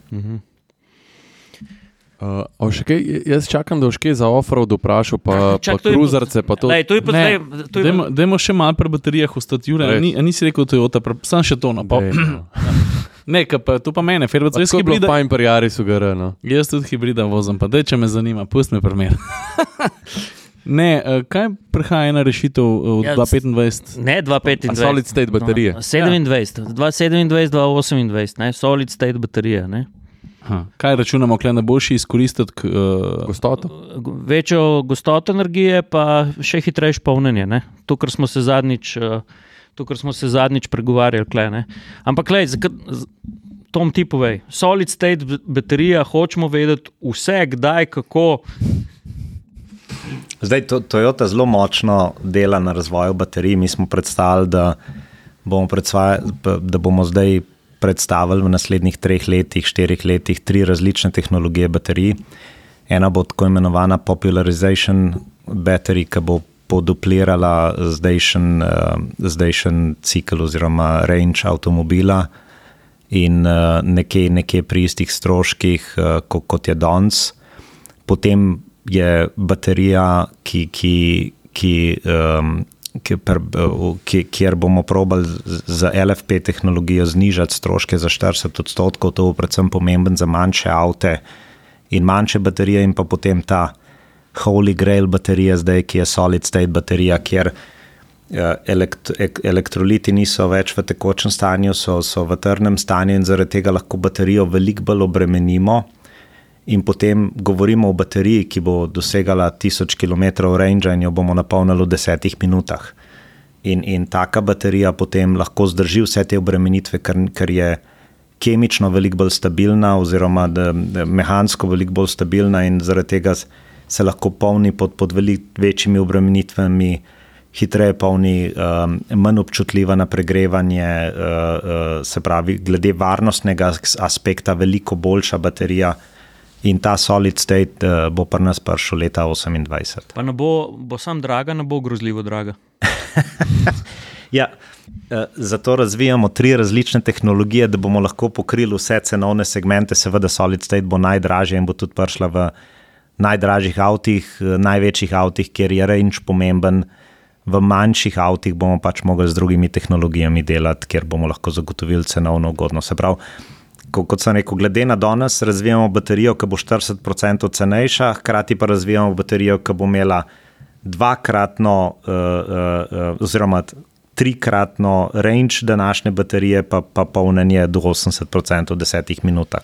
A To pa sem če- hotel slišati, A pa če te Tom po, po, nem, eh, po, po nemški vozniški klasifikaciji vprašam, to, se pomeni, to pomeni električni avto, solid state baterijo boš ti postavil na avtoban, ga boš pričepil, tako kot danes pričepijo dizle, pa se boš še vedno z uglednim dosegom pripeljal nekam presenetljivo hitro. Pa pa tudi presenetljivo hitro na filu. To, to je ideja. To je ideja. Seveda, da teh 1000 km range boš mogel paziti, kako se peleš, ne? ampak eh, 500-600 bo, pa- bo pa pod polno obremenitvijo lahko delo. Ne? To se pravi tudi avtoban, 500, Tako. 600 ne bo. Jure, zdaj pa ti meni povej, ta nov Land Cruiser, so ti bolj všeč to krogle lučke ali ta pravokotne? Meni so okrogle, pa se nekaj govori, da je to neka omejena izvedba, prvih tisoč, kako, kakega serija te na. F- First edition. Pa, Kako je pa hudno. Je, Ja, ja, jaz- je pa stari uživo, je pa le avto, je pa uživo. Jaz ko mi Ta- čakam, ta, da si ga ti pokazal, ni z okrogli. Ja, ni z okroglimi, samo imamo pa klep podpredsednika Toyota Europe, ki ima tudi najbrž kakšne ključe od kakšnega skladišča. če, če ne Tom, kdo pa? Če se je zmenil v Pakistanu za cene kimone, valjda bo tudi te okrogle luči pripeljal v Slovenijo. Ne, ne, ne. Vsaka država jih bo dobila nekaj, tako da tudi Slovenija bo dobila ene par okroglih luči. Okay. Jaz se pa strinjam, da avto z okroglimi zgleda boljš. Ampak, veš, to je tako, ko- ko zagledaš ta avto. A se ti zdaj zgodilo, Ko zgleda zaljubljen človek, veš. a veš, a se ti, ti zdaj zgodilo, ko nevernik uh, sreča nekaj nezemeljskega? A veš? Ko stopi en, pa po cirku stopi, pa vidi, mogoče za oltarjem najlepšo žensko ali pa ne vem kaj. Ne, pač, Upismo, Jure. Kar delač, pa predrzel si danes. Zelo mečeš, Kako je vse besede, kam ima. A veš, tiste, še tisto nekaj. mehansko razsvetljenje, ki stopiš not, ki je, ki bil tam, ta nov Miraj, pa, eh, pa ta, ta hud Lexus kombi, a veš. Dobro, pa videl si tudi Dakarskega. Pa Dakarskega, pa vse, ampak on je stal tam med šankom, je, veš, izpakiral so ga tako med šankom, jedilni kot. Ja. Ker Land Cruiser je vedno bil avto, ki si z njim lahko, a veš, cerado si na to stran potegnil. Uh, ground clearance je dosti visok, če pridejo poščavski sloni, se od spotu ležeš, it, ne, a veš. A ga lahko podpišete kot organskega ambasadorja Cruiserja? Prosim, Ma- lepo ta trenutek. Moji PR-ovci so se tako smejali, ko sem jim zgodbo povedal. Se neko klese trudimo, prpelali smo vse tehnologije baterij. Za naslednje tri leta vse električne avte, ki jih bomo predstavili, od Lexusa do Toyote, do trenutne platforme, naslednje platforme, Step 3 platforme, avto, ki se bo sam pelil po, po tovarni, vse smo razložili. Uh, avto na gorivne celice Hiluxa in posem slovenskemu novinarju Jure tu. Juretu. Sem rekel, kje je avto, ah, mene, je nič ne- mene pa sem talent, ki zelo zanima. Džabe, trud.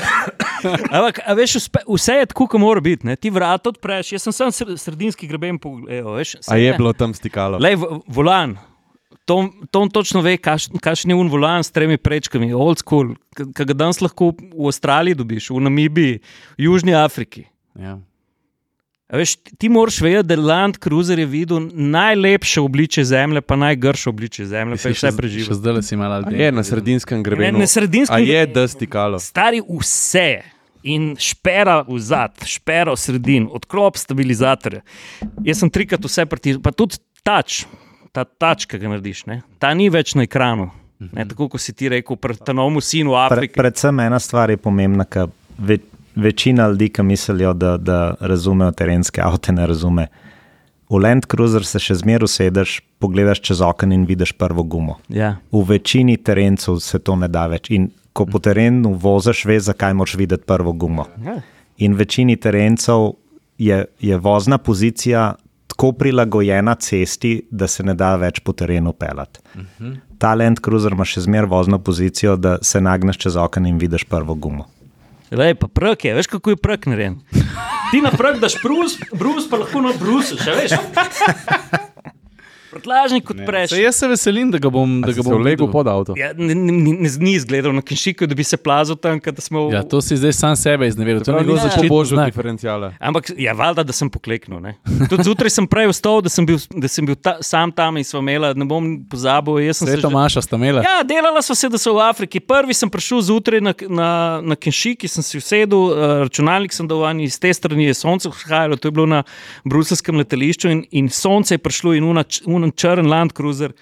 Ti, ki zdaj prišel, smo mogli spovedi, Jure. Ste, res, kar mal sem na greh, mi Jaz to mislim, Ja. jaz In, mislim, in tako prav videl sem se že tam v Bruslu, da tu je pa Jure, penzija Delta v Kavango.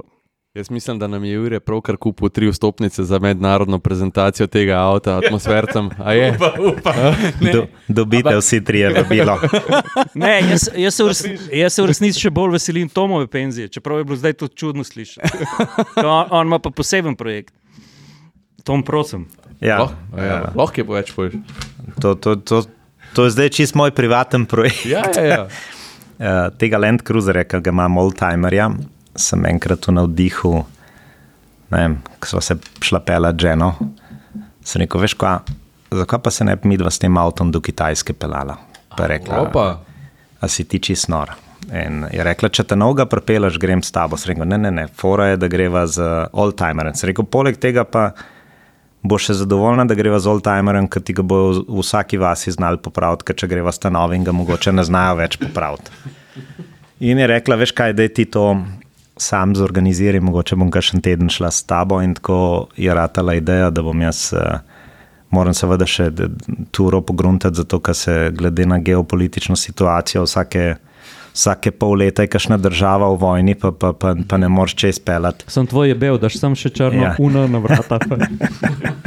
Tako da imam idejo nekje čez deset let, ko bom izpregel, da zrihtam avto za, za pot in se odpravim, pa bom prijatelje povabil na en teden ali pa dva tedna, da se mi pridružijo, pa se bojo izmenjevali.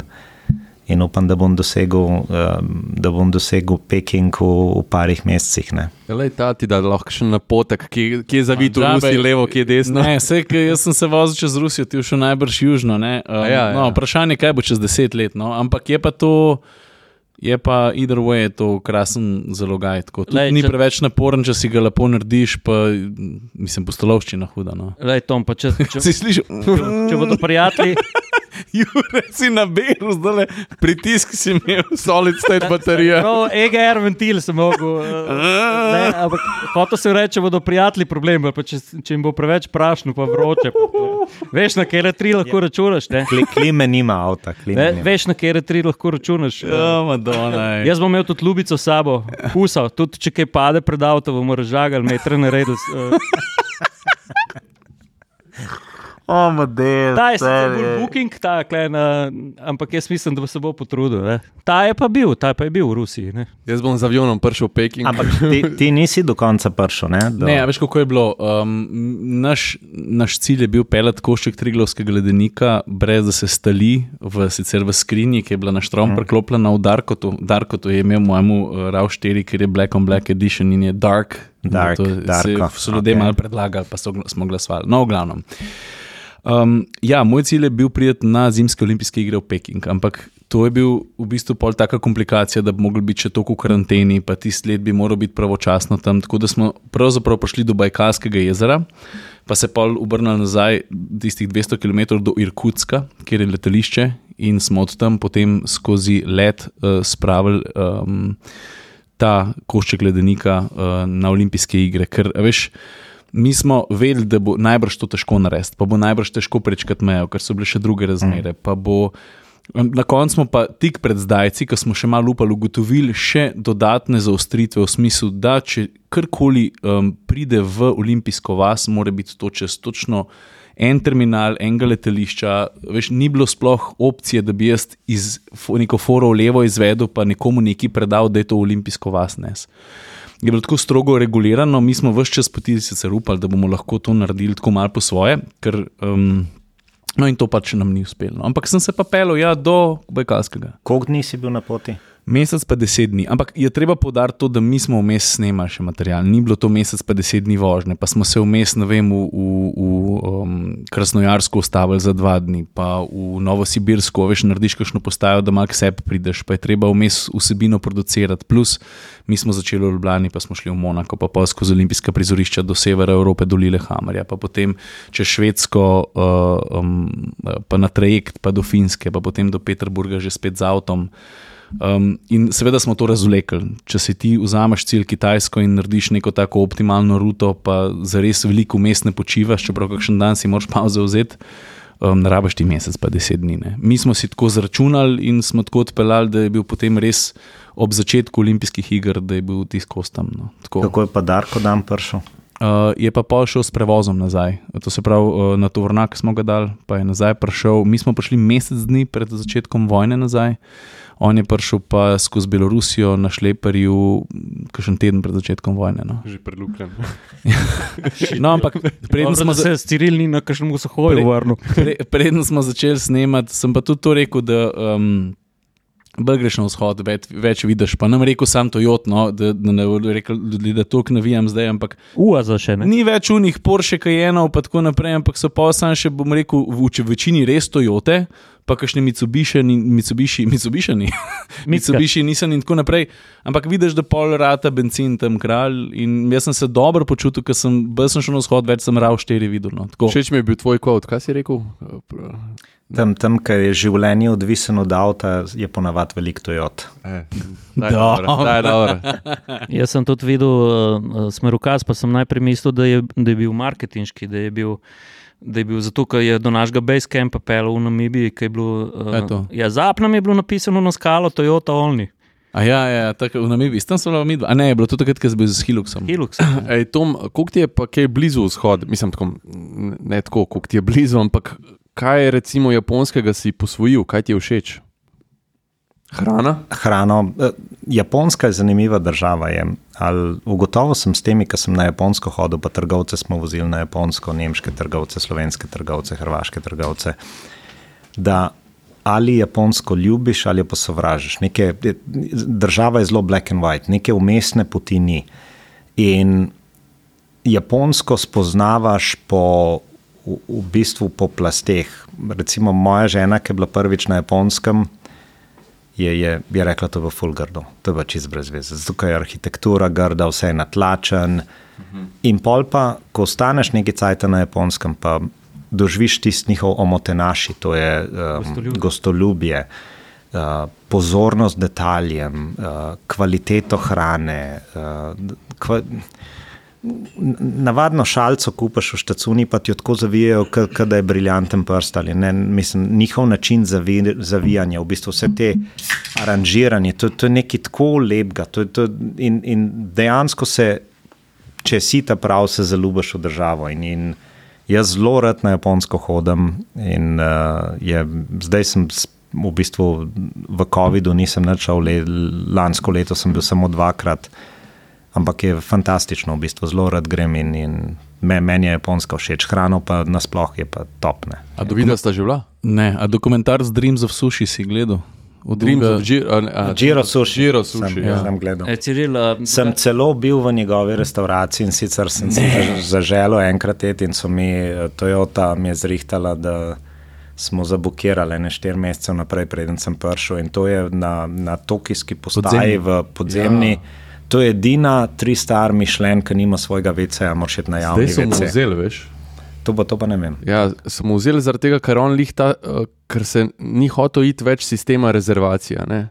In uh, v bistvu je, je imel neko, ki zjutraj prideš po listek, in če, če prideš po listek, prideš tudi v restauracijo, nekaj take finte imel. Uh mhm. -huh. Mišljen pa zahteva pač nek svoj urejen sistem rezervacij, in mislim, da smo vzeli na račun tega. Ne vem, da govorim neumnosti, ampak mislim, da je to. Kako pa je bilo?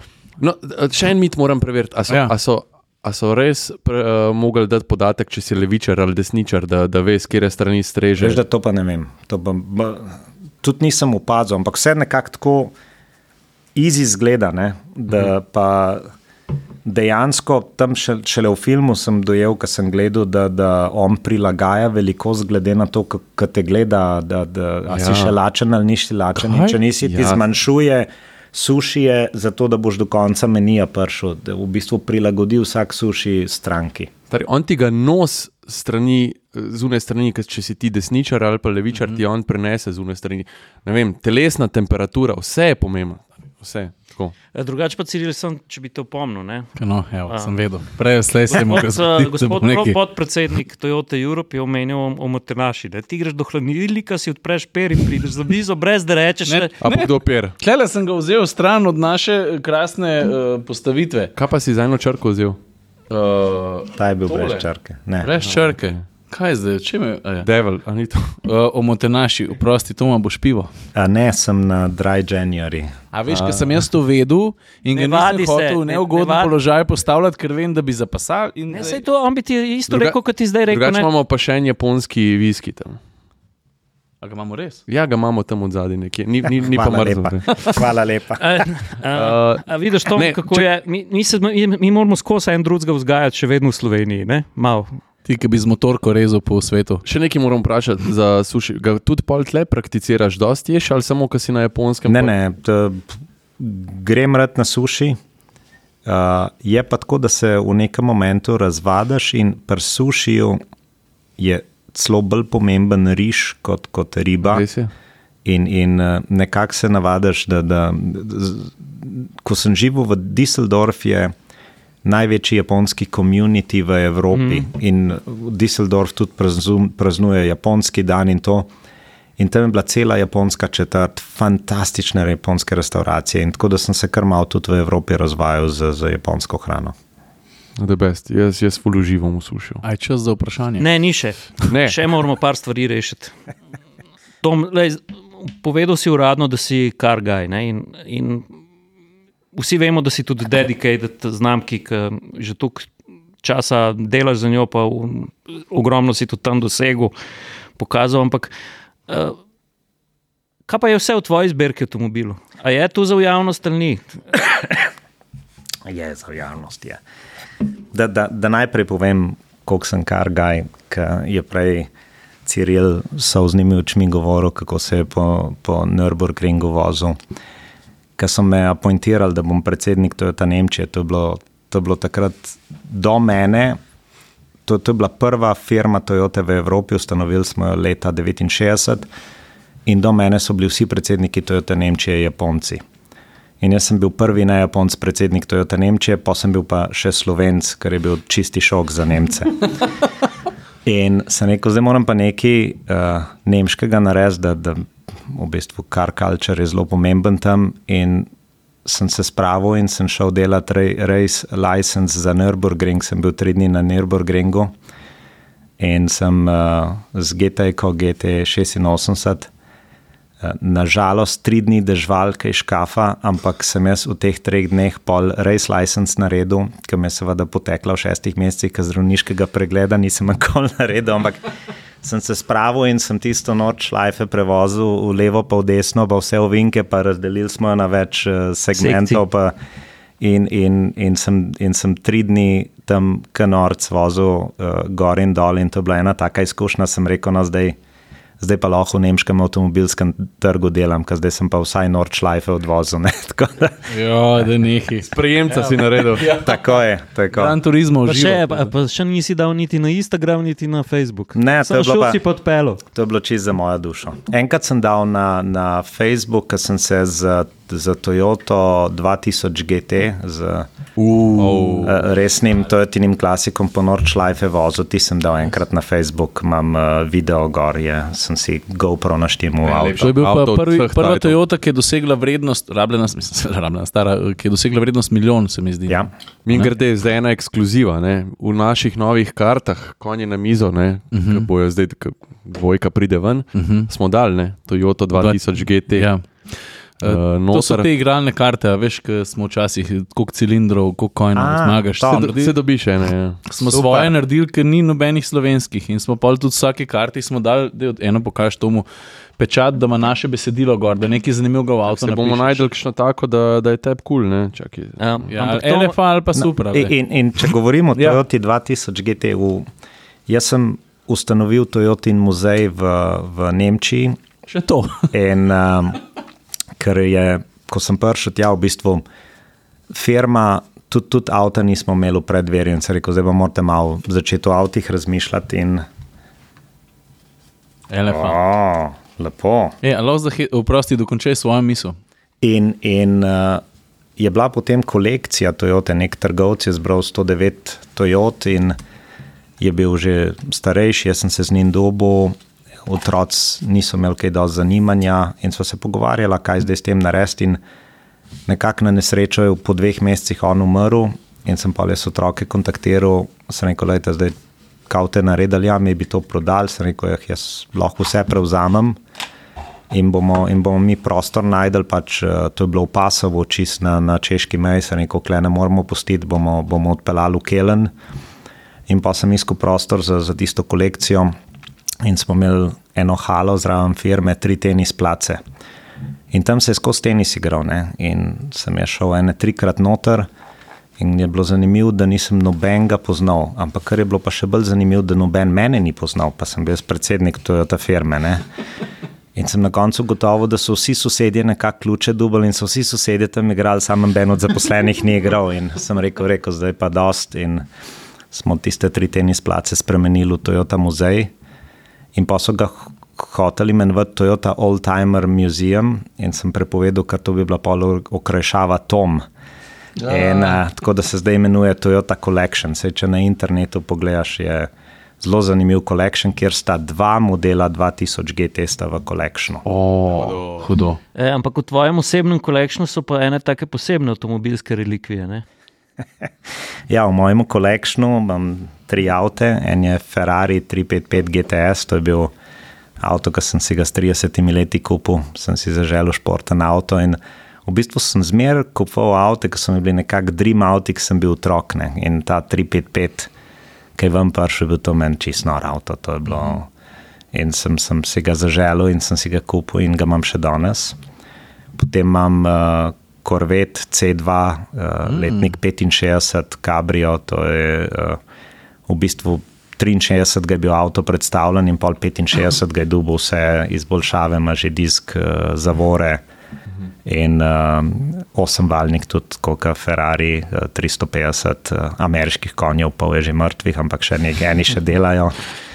In, in tudi, tudi zanimivo avto, pa Land Cruiser, imam uh, 40 serijo, uh, ta staro. Jo, Kakšen Kjer kompletno Ne, Kaj? ne, ste čak, pa nima samo še to. ne. Pa Jaz, jaz vem, da ima še ene posebne značke. Uh, to so pa, to so pa, a sem jaz prav razumel? niso, niso značke, v bistvu Maske. edini, edini dodatek a, predvojnim avtomobilom kot accessory je bil, je bil maskota, ki je bila našraufana na radiatorju. In to je v bistvu kar maskot ali pa. Nemci pravijo, kühler figur, se pravi, uh, za, Figura za na hla- hladilniku. figura na hladilniku. In vsaka znamka je imela svojo, in takrat, recimo, Peugeot je imel leva, uh, um, uh, Bentley je imel tak stiliziran B, uh, Rolls-Royce je imel Emily.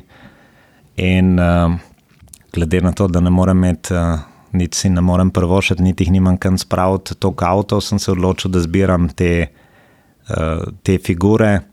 In to so izjemno vredne figure, so originali so tudi srebrni, narejeni oziroma posrebreni, neki so bronz, neki so aluminijasti.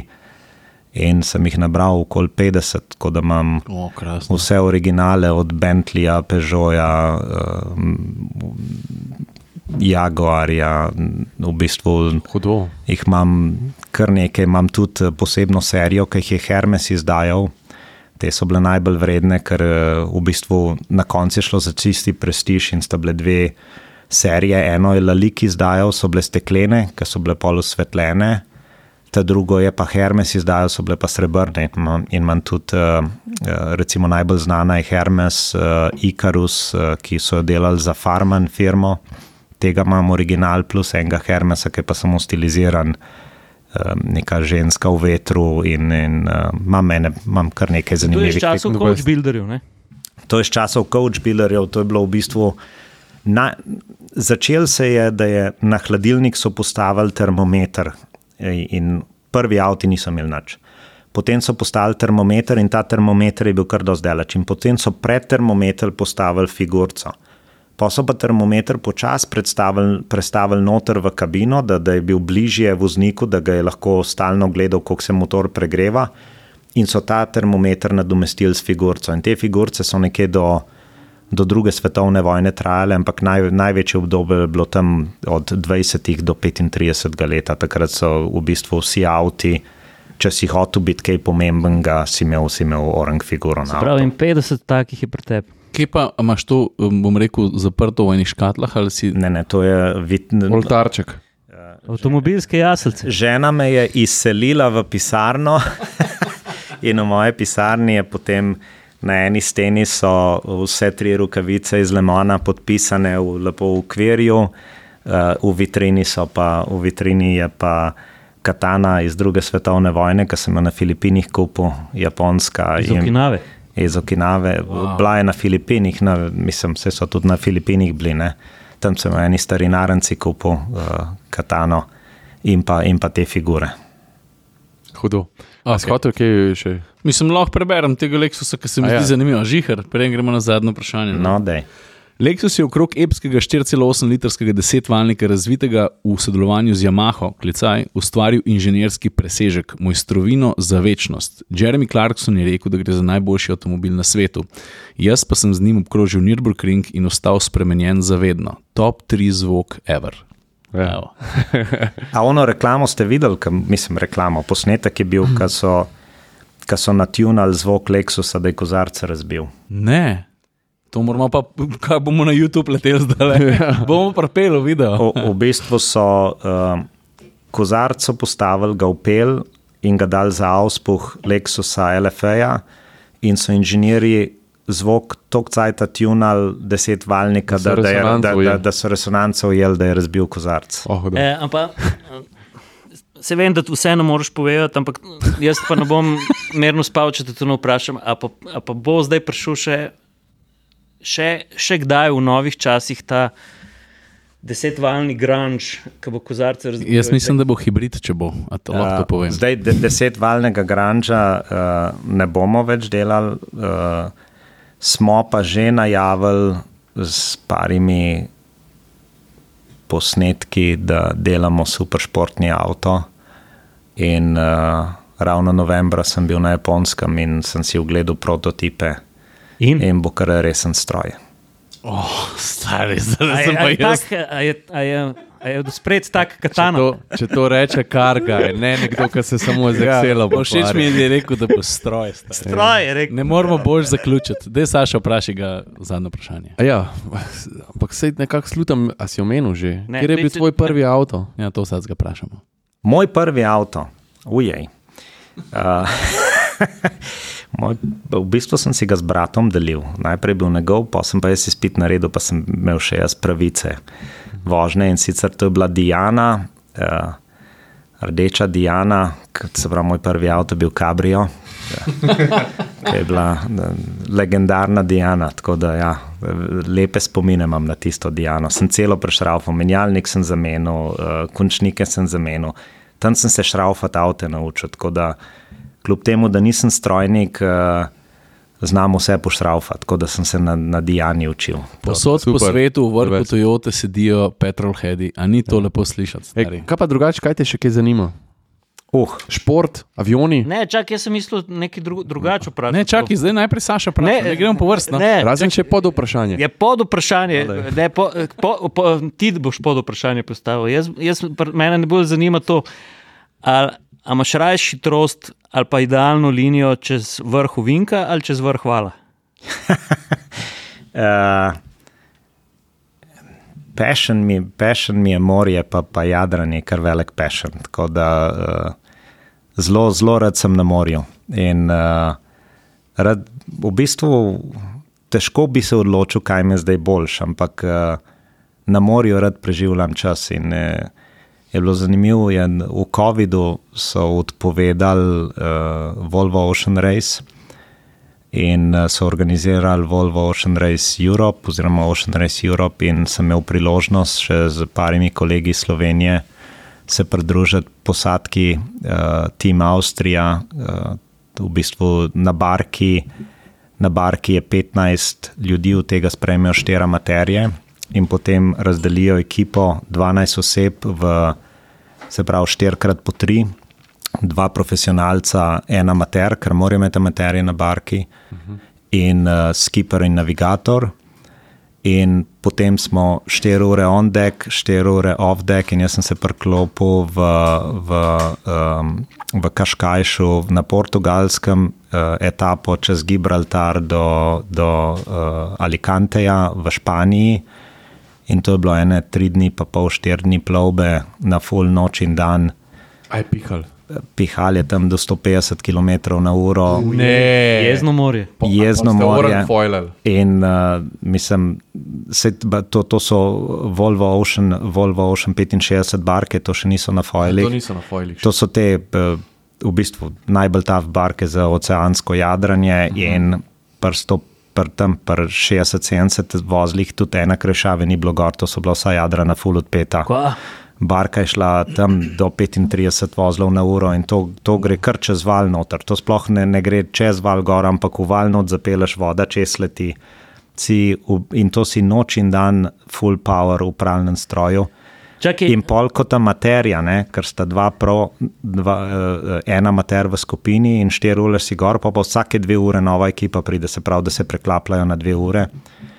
In valjda nas amaterje so imeli na grinderju ne, in to si štiri ure gonoti z grinderja. Sem bil, jaz sem vsake štiri ure spal kot dojenček. Sem si, jaz sem si propel v sabo smučarsko volnem peril, spalke, vse na koncu vržeš uno jakno dol, škorne se zuješ in se, in se v, v, v hlačah, v njih mokrih, se uležeš na uno mrežo, se vse čez kapla. Odspiš 4 ure, te zbudijo in greš nazaj ven, dan, noč, sploh. a grinder je un. Grinder je on, ki vrtiš. Ja. In probi 4 ure grindati, ker to se stalno jadra. Ampak zdaj tako govoriš, da te ni bilo žal. Ne, Noro je bilo, noro je bilo. Takoj bi. V bistvu sem imel dogovorjen, ker je šla ta ista ekipa, je šla, je šla čez uh, Atlantik, jadrat, sam uh, žal mi, mi poslovne, poslovne obveznosti niso opustile, ker en, en od bucket lista je čez Atlantik prejadrati in s to barko to narediš v, v 8 do 10 dneh, ker to, to, to leti, to, to gre po luft. Čakaj, pa če prav razumem, ti imaš hitrostni rekord na veter. V Sredozemskem morju, osebni, osebni Ja. hitrostni rekord na veter v Sredozemskem morju, 70 km/h. Ja, da šli smo, mislim, da 34 vozlov. Ja. To pet- 65 na uro ja. na veter. Na veter. The best. Ej, uh, je noč. A se kam povabimo? to, ne, to je ampak- zdaj že kar stalnica našega podcasta, tako zaključimo. Tako, kaj naj še? Aha, Ja, se še za, za. Ne, ampak- ja, za Land Cruiser smo se že Ja, zmenili. ja, ne. evo, evo, res. Ampak ti boš zraven, prideš. Zakurimo A- en taborni ogenj, pa Se bom potrudil, da bom to zraven. deli. Ne, to, to moramo enkrat. Um. Um. Enkrat moramo skupaj eh, čez masko od uh, Land Cruiserja skupaj gledati, pa čez vetrobrano pesk. Pa namazati se z moškim pudrom. Ja. To je blato. Dolenski puder, ne, ne, ne moški puder. Dobar, moški puder. Uh, Tom, hvala ti za tole, jaz sem neizmerno živel. Uh, Jaz tudi, ja. Hvala. tebe je bilo. Pa veselim se, da si rekel, da bo ta nov uh, Stroj. stroj. To pomeni, da bomo tudi zračen filter. Bom imel tudi zračen filter. Okay. Hvala lepa. Ja, hvala, Dio. Hvala Tom za čas.